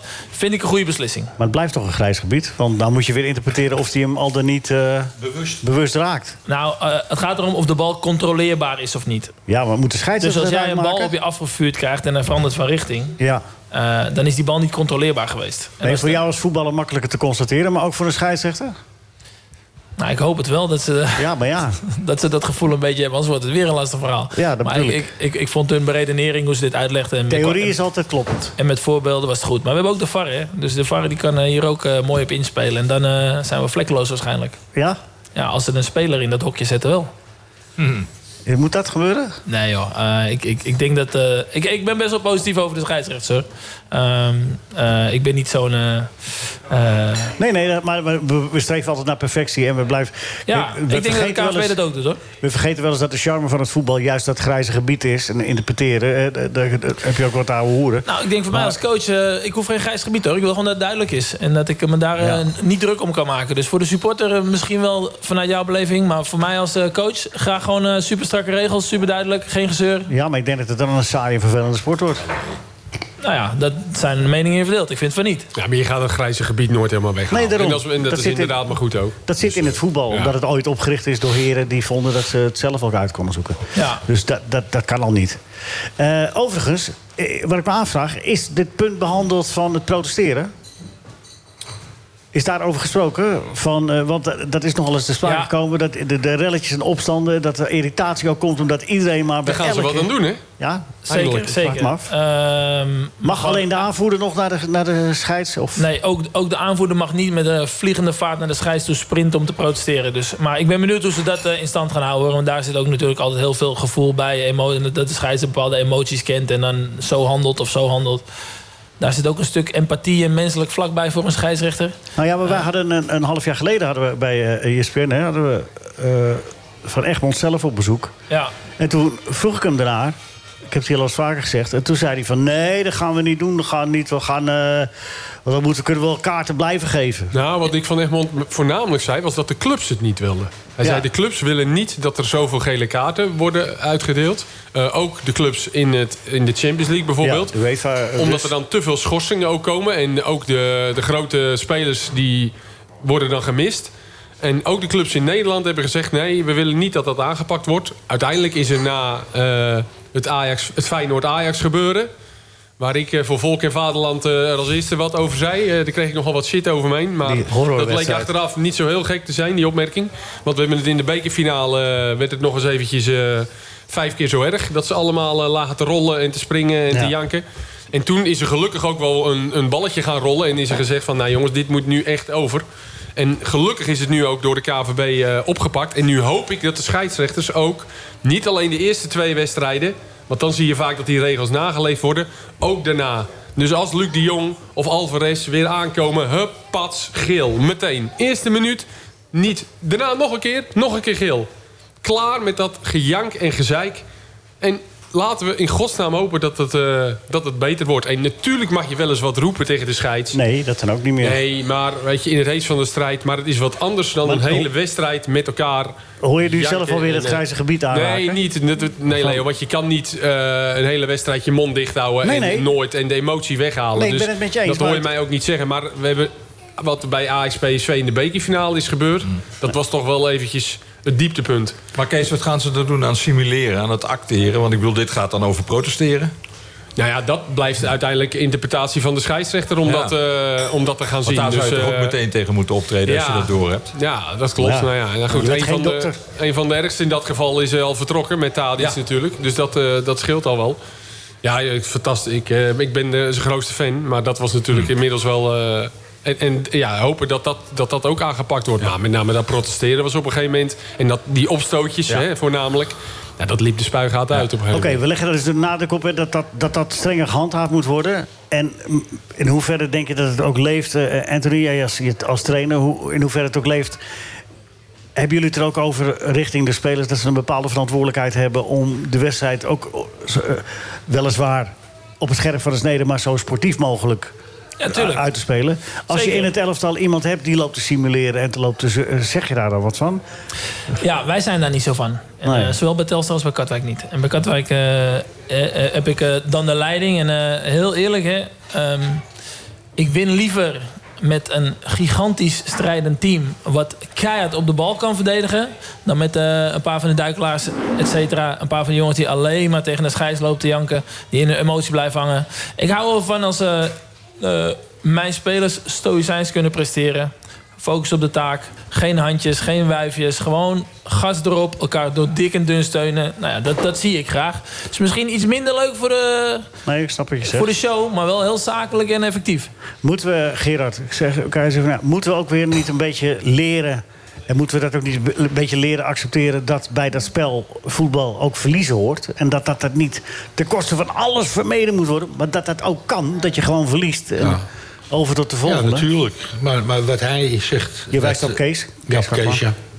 Dat ben ik helemaal mee eens. Je ziet je eigen groen en geel te ergeren. Als je dat ziet, hoe die spelers... En dan denk ik ook, schaats, geef hem... Pap, geef hem nou voor hem. Er komt er nog eentje aan. Boom, geel. Ja, ik zeg dat nu, maar ik was degene vroeger die altijd liep te ouwe hoeden tegen die scheidsrechters. Ja, je hebt nu makkelijk praten. Ja, ja maar, nee, maar ik, ik, ik zie nu, ik zie nu eh, eh, hoe irritant dat is. Ja. Eh, ook voor de toeschouwers. En je, bent je moet- bent ook een Maar voorbeeld. Gerard, als jij drie, keer, drie wedstrijden achter elkaar de gele kaart kreeg... dan dacht je waarschijnlijk eh, de vierde keer... ja, ja direct ben ik geschorst en dat moet ik misschien eh, maar even... of Ja. misschien is het een keer je tweede gele kaart in een wedstrijd. Dan denk je misschien dat je, nou, dat je het niet meer doet. Ik vroeg nog om een tweede kaart. Ik vroeg zelf nog niet. Ik zeg, je durft hem niet te geven. Durf, Bert Thomas. Ja? Hij gaf hem niet, omdat... Ja. Maar durfde ik niet. zei, dat zei ik je. Je durft, je durft hem niet te geven. Want je weet dat, het, dat maar ik... jongens, eh, het is, toch, het is toch de wereld omdraaien. Als clubs kunnen zeggen van... eh, ja, we willen... Beb nu- Thomas is hier, hè, Gerard? Ja. Even, even checken of dat... Of dat... Beb, Beb Thomas, durfde jij Gerard niet de tweede gele kaart te geven? Ja, dan kunnen we dat gelijk even... eh, Kom eens even hier. Ja. Even factchecken. Kom eens even hier. Geef hem die kaart, nu. Nee, Gerard... Dat ik zeg, ja, ik was heel blij met jou als uh, scheidsrechter. want je hebt nooit een tweede gele kaart gegeven in de wedstrijd. Dat moet ik eerlijk zeggen. Daar had ik wel respect voor. Want eigenlijk, eigenlijk, nee, eigenlijk had hij dat wel moeten doen. Ja, en mogen doen. Dan was het voetbal nu niet zo rot En geweest. dan achteraf had ik moeten zeggen, ja... Het is Beb's schuld eigenlijk Hij- allemaal. hij- dat we dit. Daar staat een schuldig Dat hoor. het helemaal ontspoord is, is, is Beb's schuld. Ja. Als je over scheidsrechters praat, is het helemaal niet goed, joh. Hier, hier, Beb, even naar de microfoon eh, voor de mensen thuis. Hey, Mike.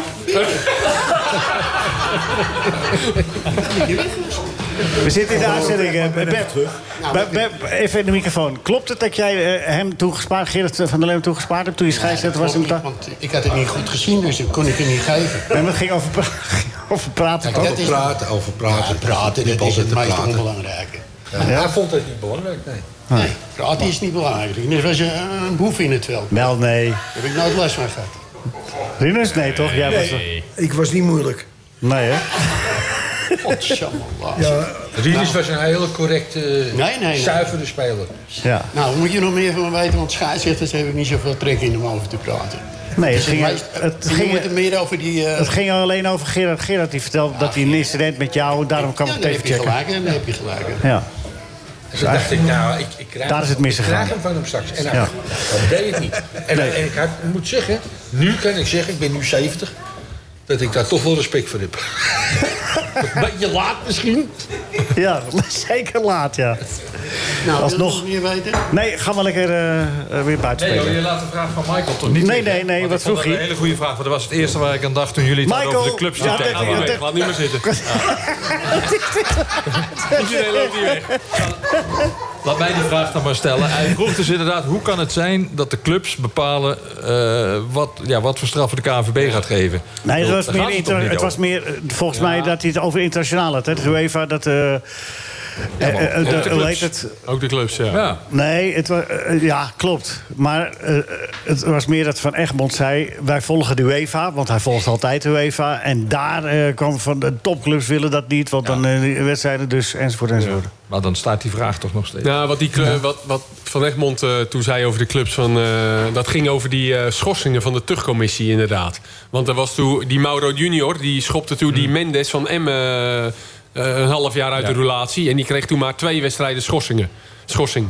Dus toen hadden wij daar daarna vragen over bij Dick van Egmond. En toen zei hij ook van... ja, de clubs willen dus niet dat er langere schorsingen zijn. Het is ja, dat is, ja, gaan de Sorry dat ik er nou even tussen kom. Maar het is toch die... Ben je weer terug, Beb?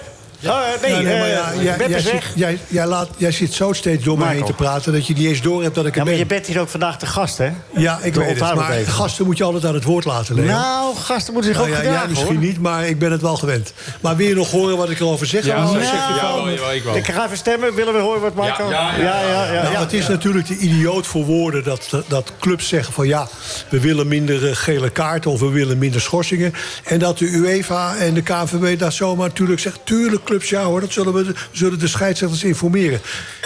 Die clubs moeten er zelf voor zorgen dat hun spelers zich anders gedragen. En dan krijg je vanzelf ook minder gele en rode kaarten. Maar dat doen die clubs niet, want die, eh, die durven hun trainer eh, te weinig eh, op de huid te zitten dat ze daar wat aan doen. En dat is het probleem. Op die manier verloedert de sport. Nou, het is het probleem. Dus, jij, jij schildert nu de andere kant. Het is van alle kanten zo. Nee, maar en, het- het is belachelijk dat, dat, dat eh, de scheidsrechters erin meegaan. Dat de clubs dat niet willen. En het is eh, eh, aan de andere kant belachelijk dat de clubs de, dezelfde correctie niet uitvoeren. Nou, en dat- het is van alle kanten hetzelfde. dus. Daarin zijn we waren het eens. eh, precies wat Michael zegt. De interviews van Heitinga en Van Nistelrooy na de bekerfinale... die waren natuurlijk schrijnend. Ja. Gewoon allebei geen één woord over... eh, en dan kan ik me voorstellen dat je als trainer misschien in een wedstrijd... Ja. dat je gefocust bent en niet alles meekrijgt. Maar ze hadden er wel iets over kunnen zeggen. En die praten het eh, gewoon ze, goed. ja, maar ze vonden het dus normaal. Die, weten wel, dus, die weten dus dat hun broodheren dat wel zo mooi vinden... dat er dan geen gele Ja, maar zij zelf ook. Hopelijk eh, Zij gaat, zelf er, eh, ook. gaat er wat aan gebeuren, Leo. Ja, zij zelf ook, ja. Ja, maar het gaat, het, het gaat dat- dat- waar ik een beetje met de romantische vraag naar Gerrit toe ging net van... we moeten ook weer leren te verliezen. En we moeten misschien van de buitenkant ook de verliezer niet zo de grond in trappen... dat dat weer zo erg wordt. Ik snap je wat ik bedoel, een beetje? Als je in het wielrennen, dan wint er elke dag maar eentje. Er zijn 149 verliezers. Nee, maar ja, het is... maar nu het- raak je wel iets aan. Ik bedoel, Nee. sociale media, eh, het hele klimaat Ja, is toch totaal veranderd Nee, Leo, ja, maar, ten ja, opzichte nee, van vroeger. maar, maar dat wil niet zeggen dat dat goed is. Nee, maar de druk is ook veel groter. Ja, maar dat wil niet mij. zeggen dat dat goed is. Nee, dat is het ook niet. Maar ik snap het wel. Nee, maar wij kunnen er toch wel wat aan doen in onze beoordelingen bijvoorbeeld. Kunnen we, Ja. eh, als, we het al wat, als je het wat normaler maakt dat er ook verloren wordt. Eh, eh, behalve van, eh, we- gaan nu ook wel eens na af wedstrijd naar een training toe. Van, en, dan willen we hem eigenlijk nog wel begraven. Want je zult wel verschrikkelijk vinden dat je nu verloren hebt. En wat nu? En wat, hè, wat, wat- ga je maten? Je kan dat ook iets anders insteken. Toch? Ja. Maar het is toch wel zo dat tegenwoordig als je verliest... dan ben je echt een loser. En dat was je vroeger bij wijze van spreken niet. Dan werd er gezegd, nou, volgende week weer een wedstrijd. Ja. ja. Ja, er komt er ook meer bij kijken tegenwoordig. met Nee, maar alle, goed. Alle social media met voornamelijk. Absoluut. Ja. Maar het moet ook vooral door jezelf verschrikkelijk gevonden worden dat je verliest. Alleen hoeft de buitenwereld je niet nog eens extra de grond in te trappen... alsof het het einde van de wereld is. Want het hoort er wel bij bij, dat, eh, bij, de- bij die sport. En daar gaan we niks meer aan doen. Wat aan het... eh, Aan wat de buitenwereld van vindt en wat social media ervan vindt. Dus Daar moet je voor afsluiten, We, hebben invloed op wat wij doen. nou, dat je eigen als, als we gedrag... daar het maximale uithalen. Ja, maar ja, om Maar nou- wat jij zegt, hè, dat is volgens mij hetzelfde wat dan Van Nistelrooy doet... en wat dan Heitinga doet na zo'n wedstrijd. Van jongens, ik sluit me helemaal voor alles af. Alles wat, alle pijlen die nu op mij afgevuurd worden. Ja. Want oh, oh, oh, die buitenwereld die gaat mij helemaal fileren. Nou, volgens mij, ik, ik het interview van Heitinga, ik weet het niet, niet precies meer, maar volgens mij heeft Heitinga op die vraag die gesteld werd, heeft hij een afwijkend antwoord gegeven door het te draaien in de zin van, ehm, ik ben blij dat mijn spelers voor elkaar hebben gestreden of iets in die trant. Hij heeft niks verteld over eh, het gedrag van Tadic of de Jong. Hij heeft gewoon een afwijkend antwoord en zich af te sluiten van dat stuk. Nou, dat vond ik geen slechte, eerlijk is eerlijk. Alleen, eh, ik hij denk zelf... hij, ik hij gaat tackle bijna Savi Simons zeggen. in de finale. Dus- dat hij hij- bijna het veld in liep. Hij gaat kon moeilijk die wedstrijd wat erover zeggen. Want hij was zelf misschien wel degene Ja. die... eh, Maar ja, goed. ja, het, eh, zo- en zo is het ook. En ook hij heeft emotie. En dat zie je. Druk, eh, zijn job, eh, zijn kans in het betaalde voetbal. Zeker, zeker. Zo emotie, ook- zo'n jongen. Ik zeg ook niet dat je, dat je dat van de ene op de andere dag weg hebt. Alleen het is wel goed om bij jezelf te kijken. Wat, wat kun je er eventueel als, als deelnemer aan die wereld zelf aan doen.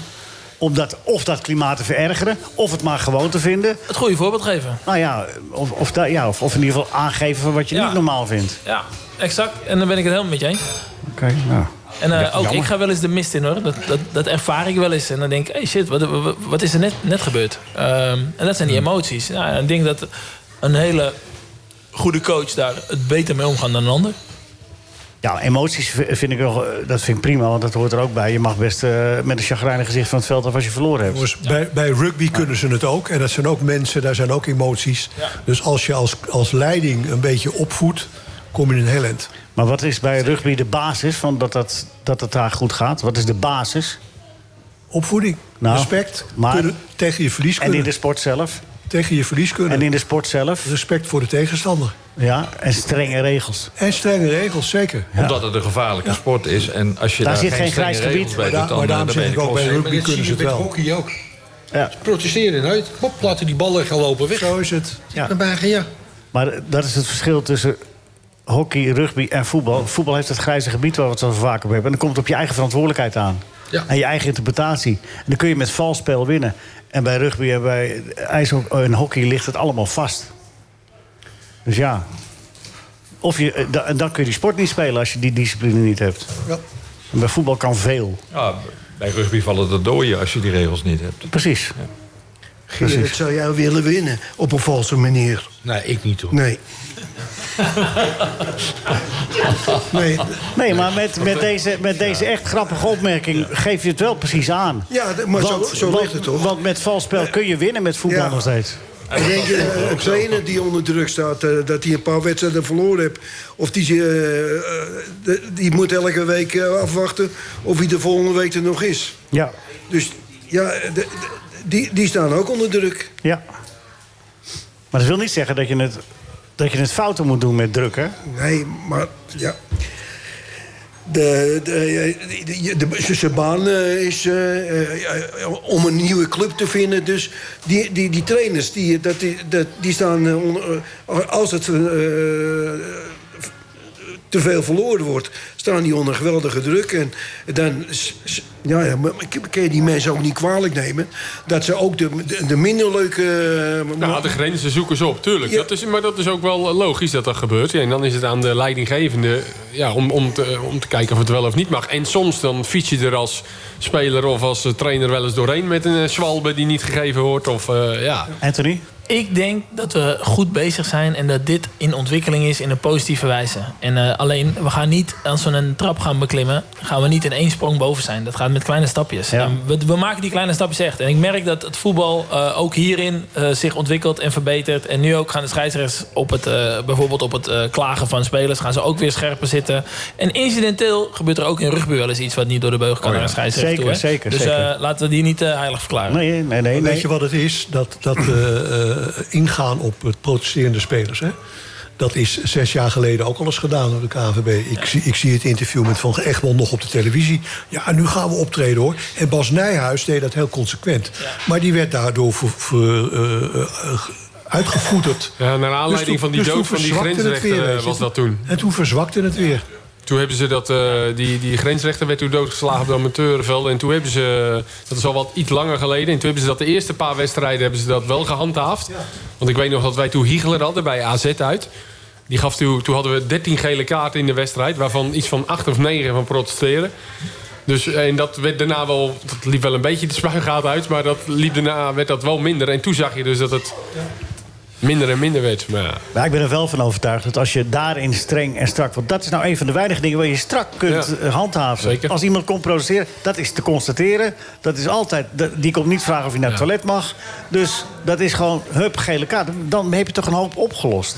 Alleen toen werd het van, eh, toen deed iemand zo zijn handen omhoog, dan Ja, had hij ja, al geel. ja. Dus dat, liep, dat werd Ja, een ja, beetje te. ja. Dat moet ook weer niet. Misschien moeten ze wel met de regels gaan spelen. Gele kaart, die, die, daar kan je geschorst door worden. Maar als je protesteert, dan moet je even pauze nemen van vijf minuten. Een beetje met ijshockey, hè? Powerplay krijgt de tegenstander dan.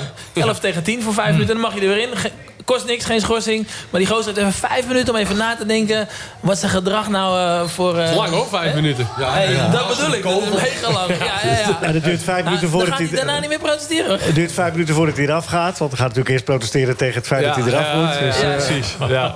En dan komt de trainer het veld in. En Maar goed, zo de- denk je alweer in eh, hè, dingen waardoor het niet lukt. Maar laten we met z'n allen nadenken over hoe kan het nog beter en nog mooier. En volgens mij Maar het gebeurt gaat, dat... het gaat inderdaad wel beter. Ik ben het met je eens. Goed, We, het is- we hebben er gebeurt ook vertrouwen in. Het We is sluiten hem af. We Ja, tikken ja, hem af. Zeker. Het is, met een lelijk, het is met een lelijk woord ook allemaal wat je zelf, hoe je het zelf gaat doen.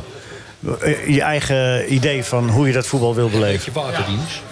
21 miljoen. Als ik zeg 21 miljoen, Gerard, wat zeg jij dan? Nou, meteen betalen. 21 miljoen. Wat 21 Zo, miljoen. Als ik dat zeg, wat zeg jij dan? Eh, inwoners in Nederland. Nou, nou, Geen gek, eh, nog niet, nog geen niet. gekke gok. Ja, komt Nee. er wel aan. Nou ja, dat, moet, nou, dat gaan wij niet meer meemaken. Maar Ja, ik weet het. Ik heb het gelezen net. Ja, Ik zeg denk dat ze de Polonaise lopen bij Ajax. Want? Bessie Ja, naar Fulham. Fulham.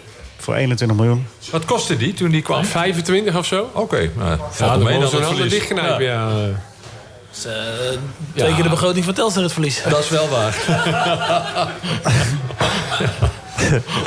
Sorry, spelersbegroting 4. Tenminste, eh, er stond dat er een akkoord was. Of, eh, ja, ja, het is, het is is helemaal het rond. zeker? Het is helemaal rond. Eén uitverkocht eh, Old Trafford is eh, zes jaar Telstar.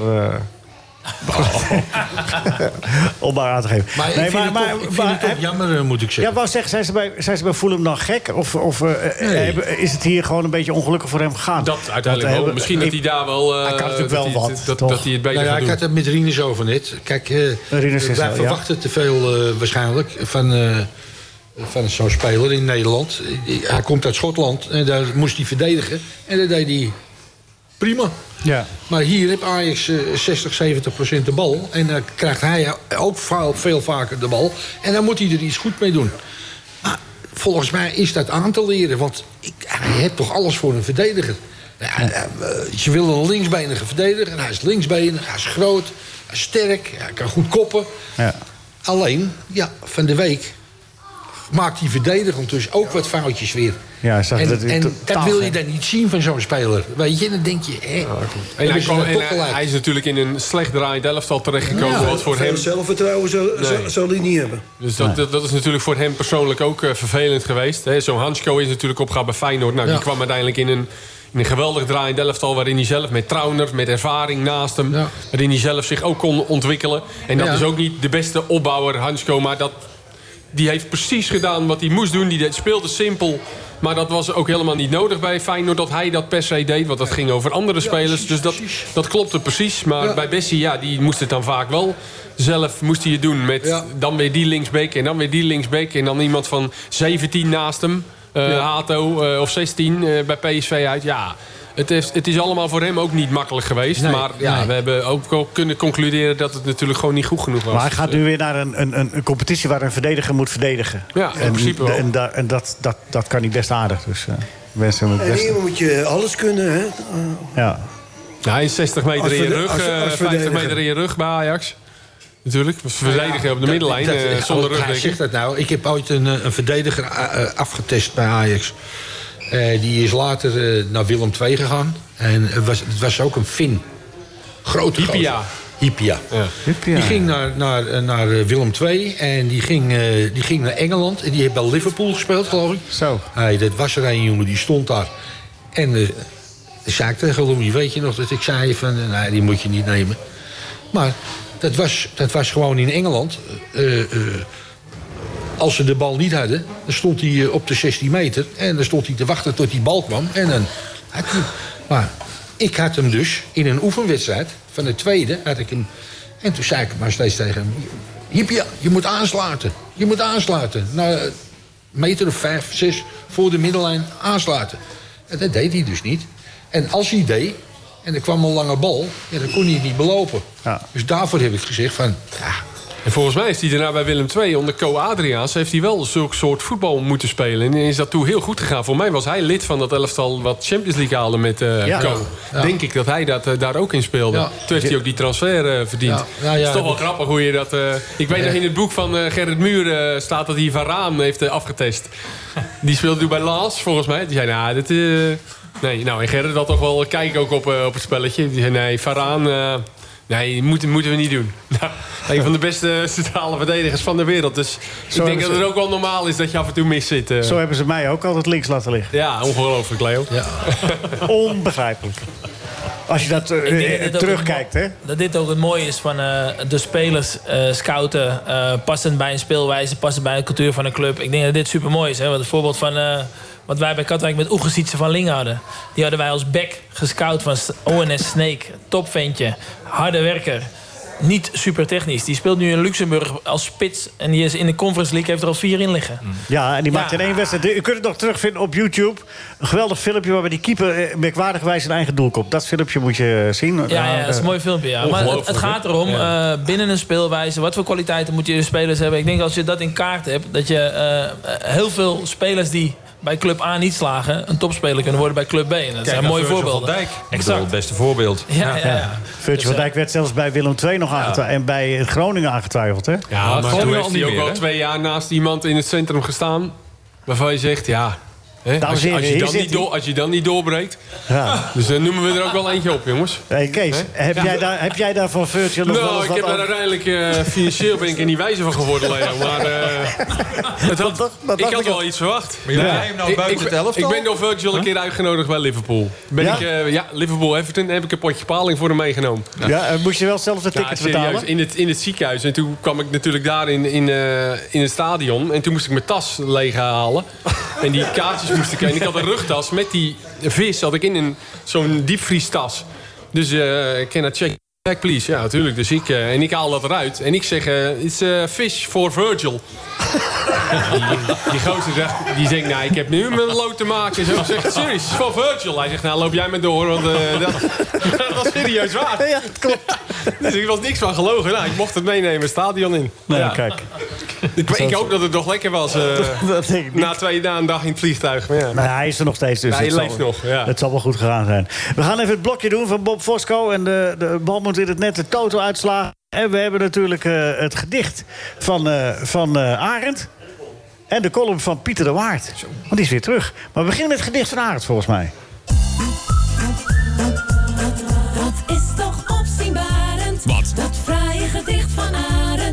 Eh, loopt er een band mee? Fijn, heel fijn. Het lastigste bij de Chinees is keuzes maken. Om de gevoelige Chinese snaar te raken. Wordt het bami nasi of knerry? Of in ieder geval geen McDonald's flurry? Of zoiets.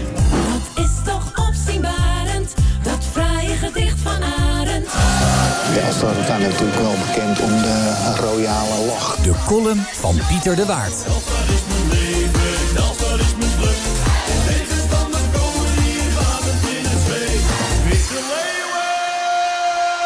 Alweer bijna drie weken elke middag vaste prik Radio Tour de France. Ik geniet er reeds sinds mijn tienerjaren van. La Grande Boucle. Toen ik eenmaal begreep hoe het spelletje in elkaar stak, genoot ik met volle teugen. Ploegentactiek, kopmannen, waterdragers, sprinters. Demareren, erop en erover. Flikken, heerlijk. Bijzondere sport. Niet altijd de sterkste wint, maar vaak ook de slimste. Prachtige overwinningen gehoord. Henny Kuiper, Gerry Kneteman, Joop Zoetemelk, Peter Winnen, Steven Rooks, Michael Bogers. En afgelopen zondag nog Wout Poels. Klasbakken, stuk voor stuk. In al mijn luisterjaren kijk ik met het meeste plezier terug op de periode 87-93.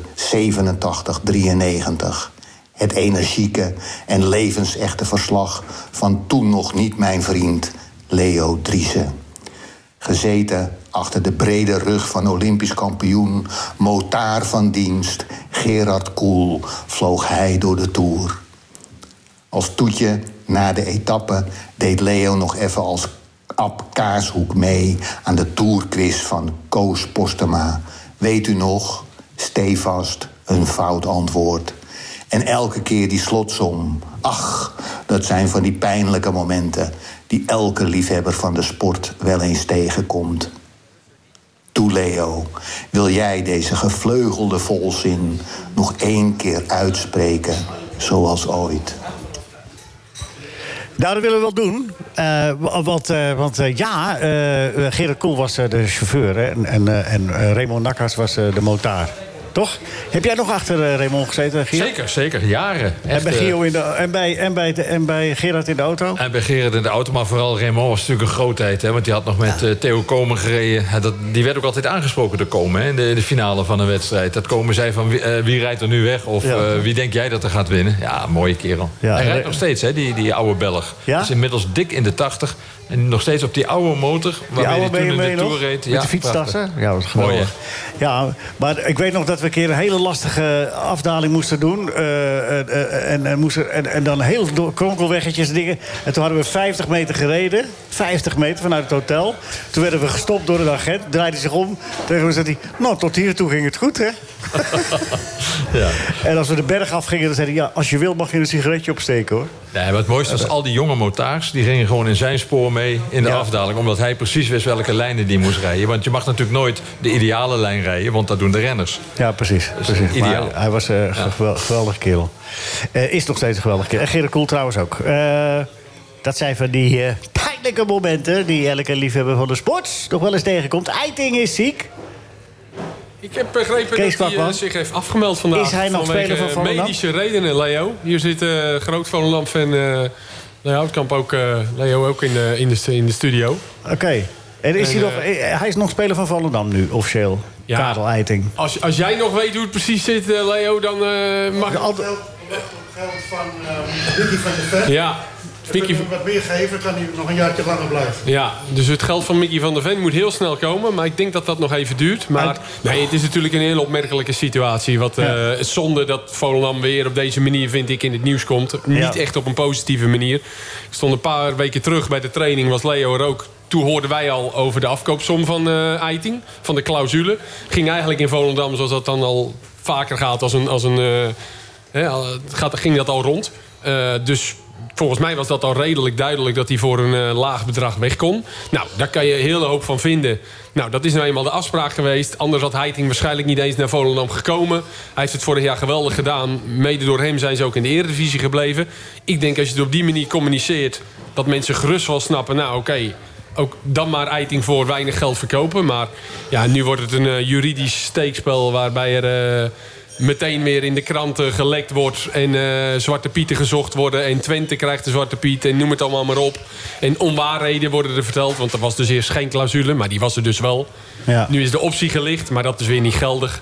Ja. Die optie zou dan betekenen dat de clausule Er vervalt. was. Maar dat blijkt ook niet zo te zijn. Heeft clausule- Volendam vandaag gezegd in de, in de Noord-Hollands Dagblad. Het wordt wel een duidelijk verhaal zo. Ja, het is echt eh, het is, het is een chaos. En het is zonde dat dan in de krant eh, allemaal dingen... alleen vanuit Volendams perspectief gemeld worden. Want Nou, eh, nou. volgens mij heeft Twente niet heel veel geks gedaan. Die hebben Nee, gewoon gedacht, benaderd, Ei- Eiting ja. heeft een clausule. Ja. We weten wat we moeten betalen. En we gaan met Eiting eh, praten of hij er zin in heeft om naar Twente te komen. Dat is heel normaal dat dat gebeurt. Dat je een speler en een zaakwaarnemer polst. Dus, eh, Wordt het is, vervolgd. en vandaag is hij er dus niet bij, bij de oefenwedstrijd. Nee, Nee. het is triest dat het weer zo eh, loopt. Wordt vervolgd. Wordt uiteraard vervolgd. Dat kan wel eens een arbitragezaak worden. Ja, Michael, kun jij even kort eh, rectificeren? Nog wa- wat je moet rectificeren voordat we de quiz gaan doen. Even eh, kort, niet veel werk van maken, want dat verdienen ze ook weer niet. Nee, dat doe ik niet. Maar eerlijkheid duurt wel het langst. Vorige week ging het over Telstar. En Oh ja. toen heb ik op een gegeven moment gezegd dat ik eh, mijn kandidaat had gesteld voor de RVC. En toen kwam de vraag eh, van, eh, heb, heb je daar ooit antwoord op gehad? Toen heb ik gezegd, daar heb ik niks meer van gehoord. Nou, dat is maar ten dele waar. Want ik zat in de auto en toen herinnerde ik me opeens... dat ik wel tegen Telstar heb gezegd... ik wil alleen maar in de Raad van Commissarissen komen... als Natasja van Grinsven de nieuwe directeur wordt. En als die niet de, die, die nieuwe directeur wordt, dan stel ik mij niet beschikbaar. Dat had ik erbij moeten zetten. Nou, en dat deze. heb ik gemeld, maar daar heb ik inderdaad nooit meer wat op gehoord. Nee. Nou, bij deze. Ik hoop dat het eh, nu niet meer zoomt in, de, in en rond eh Telstar. Want het zoomde verschrikkelijk, heb ik begrepen. En meer dan zoomen zelfs. Nou, laat ze uitgezoomd zijn. Gaan we quizzen? We gaan quizzen. Zijn we, Gerard, wil je toch meedoen? Op, want ik moet, ik, ik moet naar het Ridders Kaarshuisje. Ja, ja. Maar wil je, wil je wel meedoen toch met de quiz? ja. Ja. Gio, wie wint vandaag de etappe? Even tot slot, eh, snel. Even, Oh, dat je ging vragen wie de Tour ging winnen. Nee, ja, nee, Dirk dat- Vingegaard, maar ik weet niet zeker. Nee. Etappe...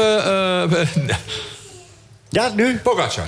Pogacar. Simon Yates. Simon, Simon Yates, oké. Heb je, eh, Anthony?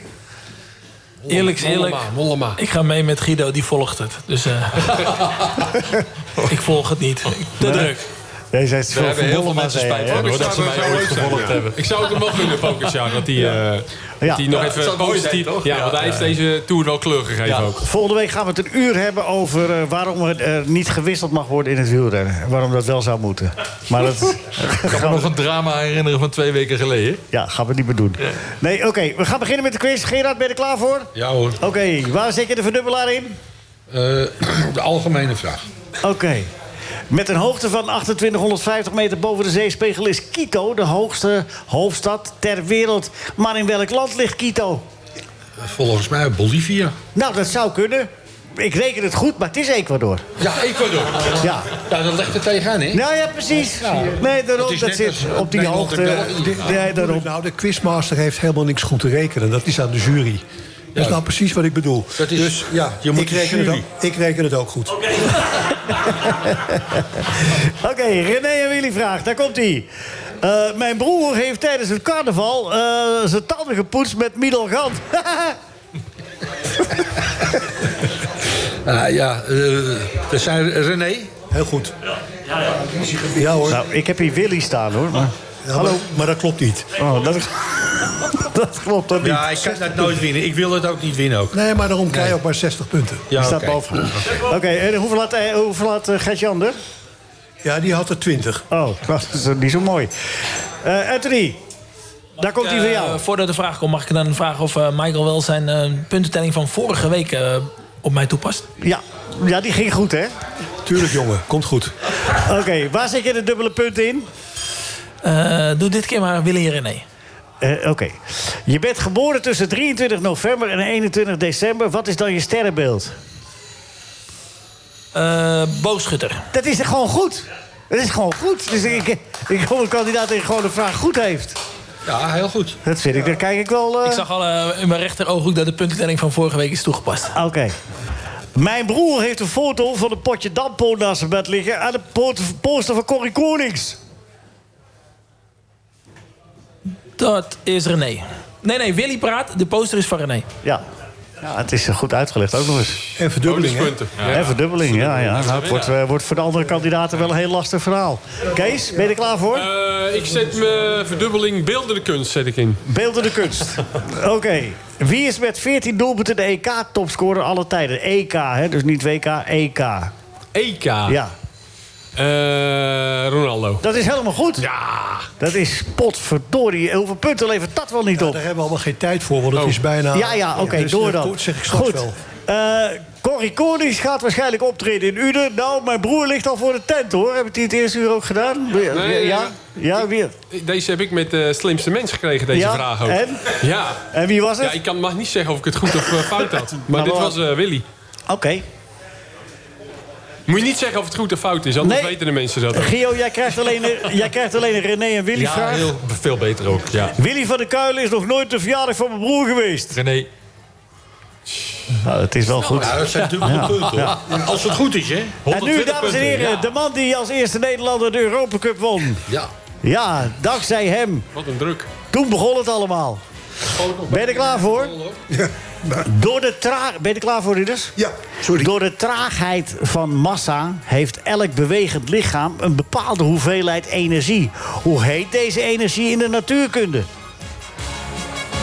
Kinetische energie. Ja, Dat is niet helemaal... maar wij, Hè? hebben de cursus gedaan. Ja, Ja? Wij hebben de cursus gedaan. Ja? verschil met, eh, Echt goed opgelegd. met, met hun.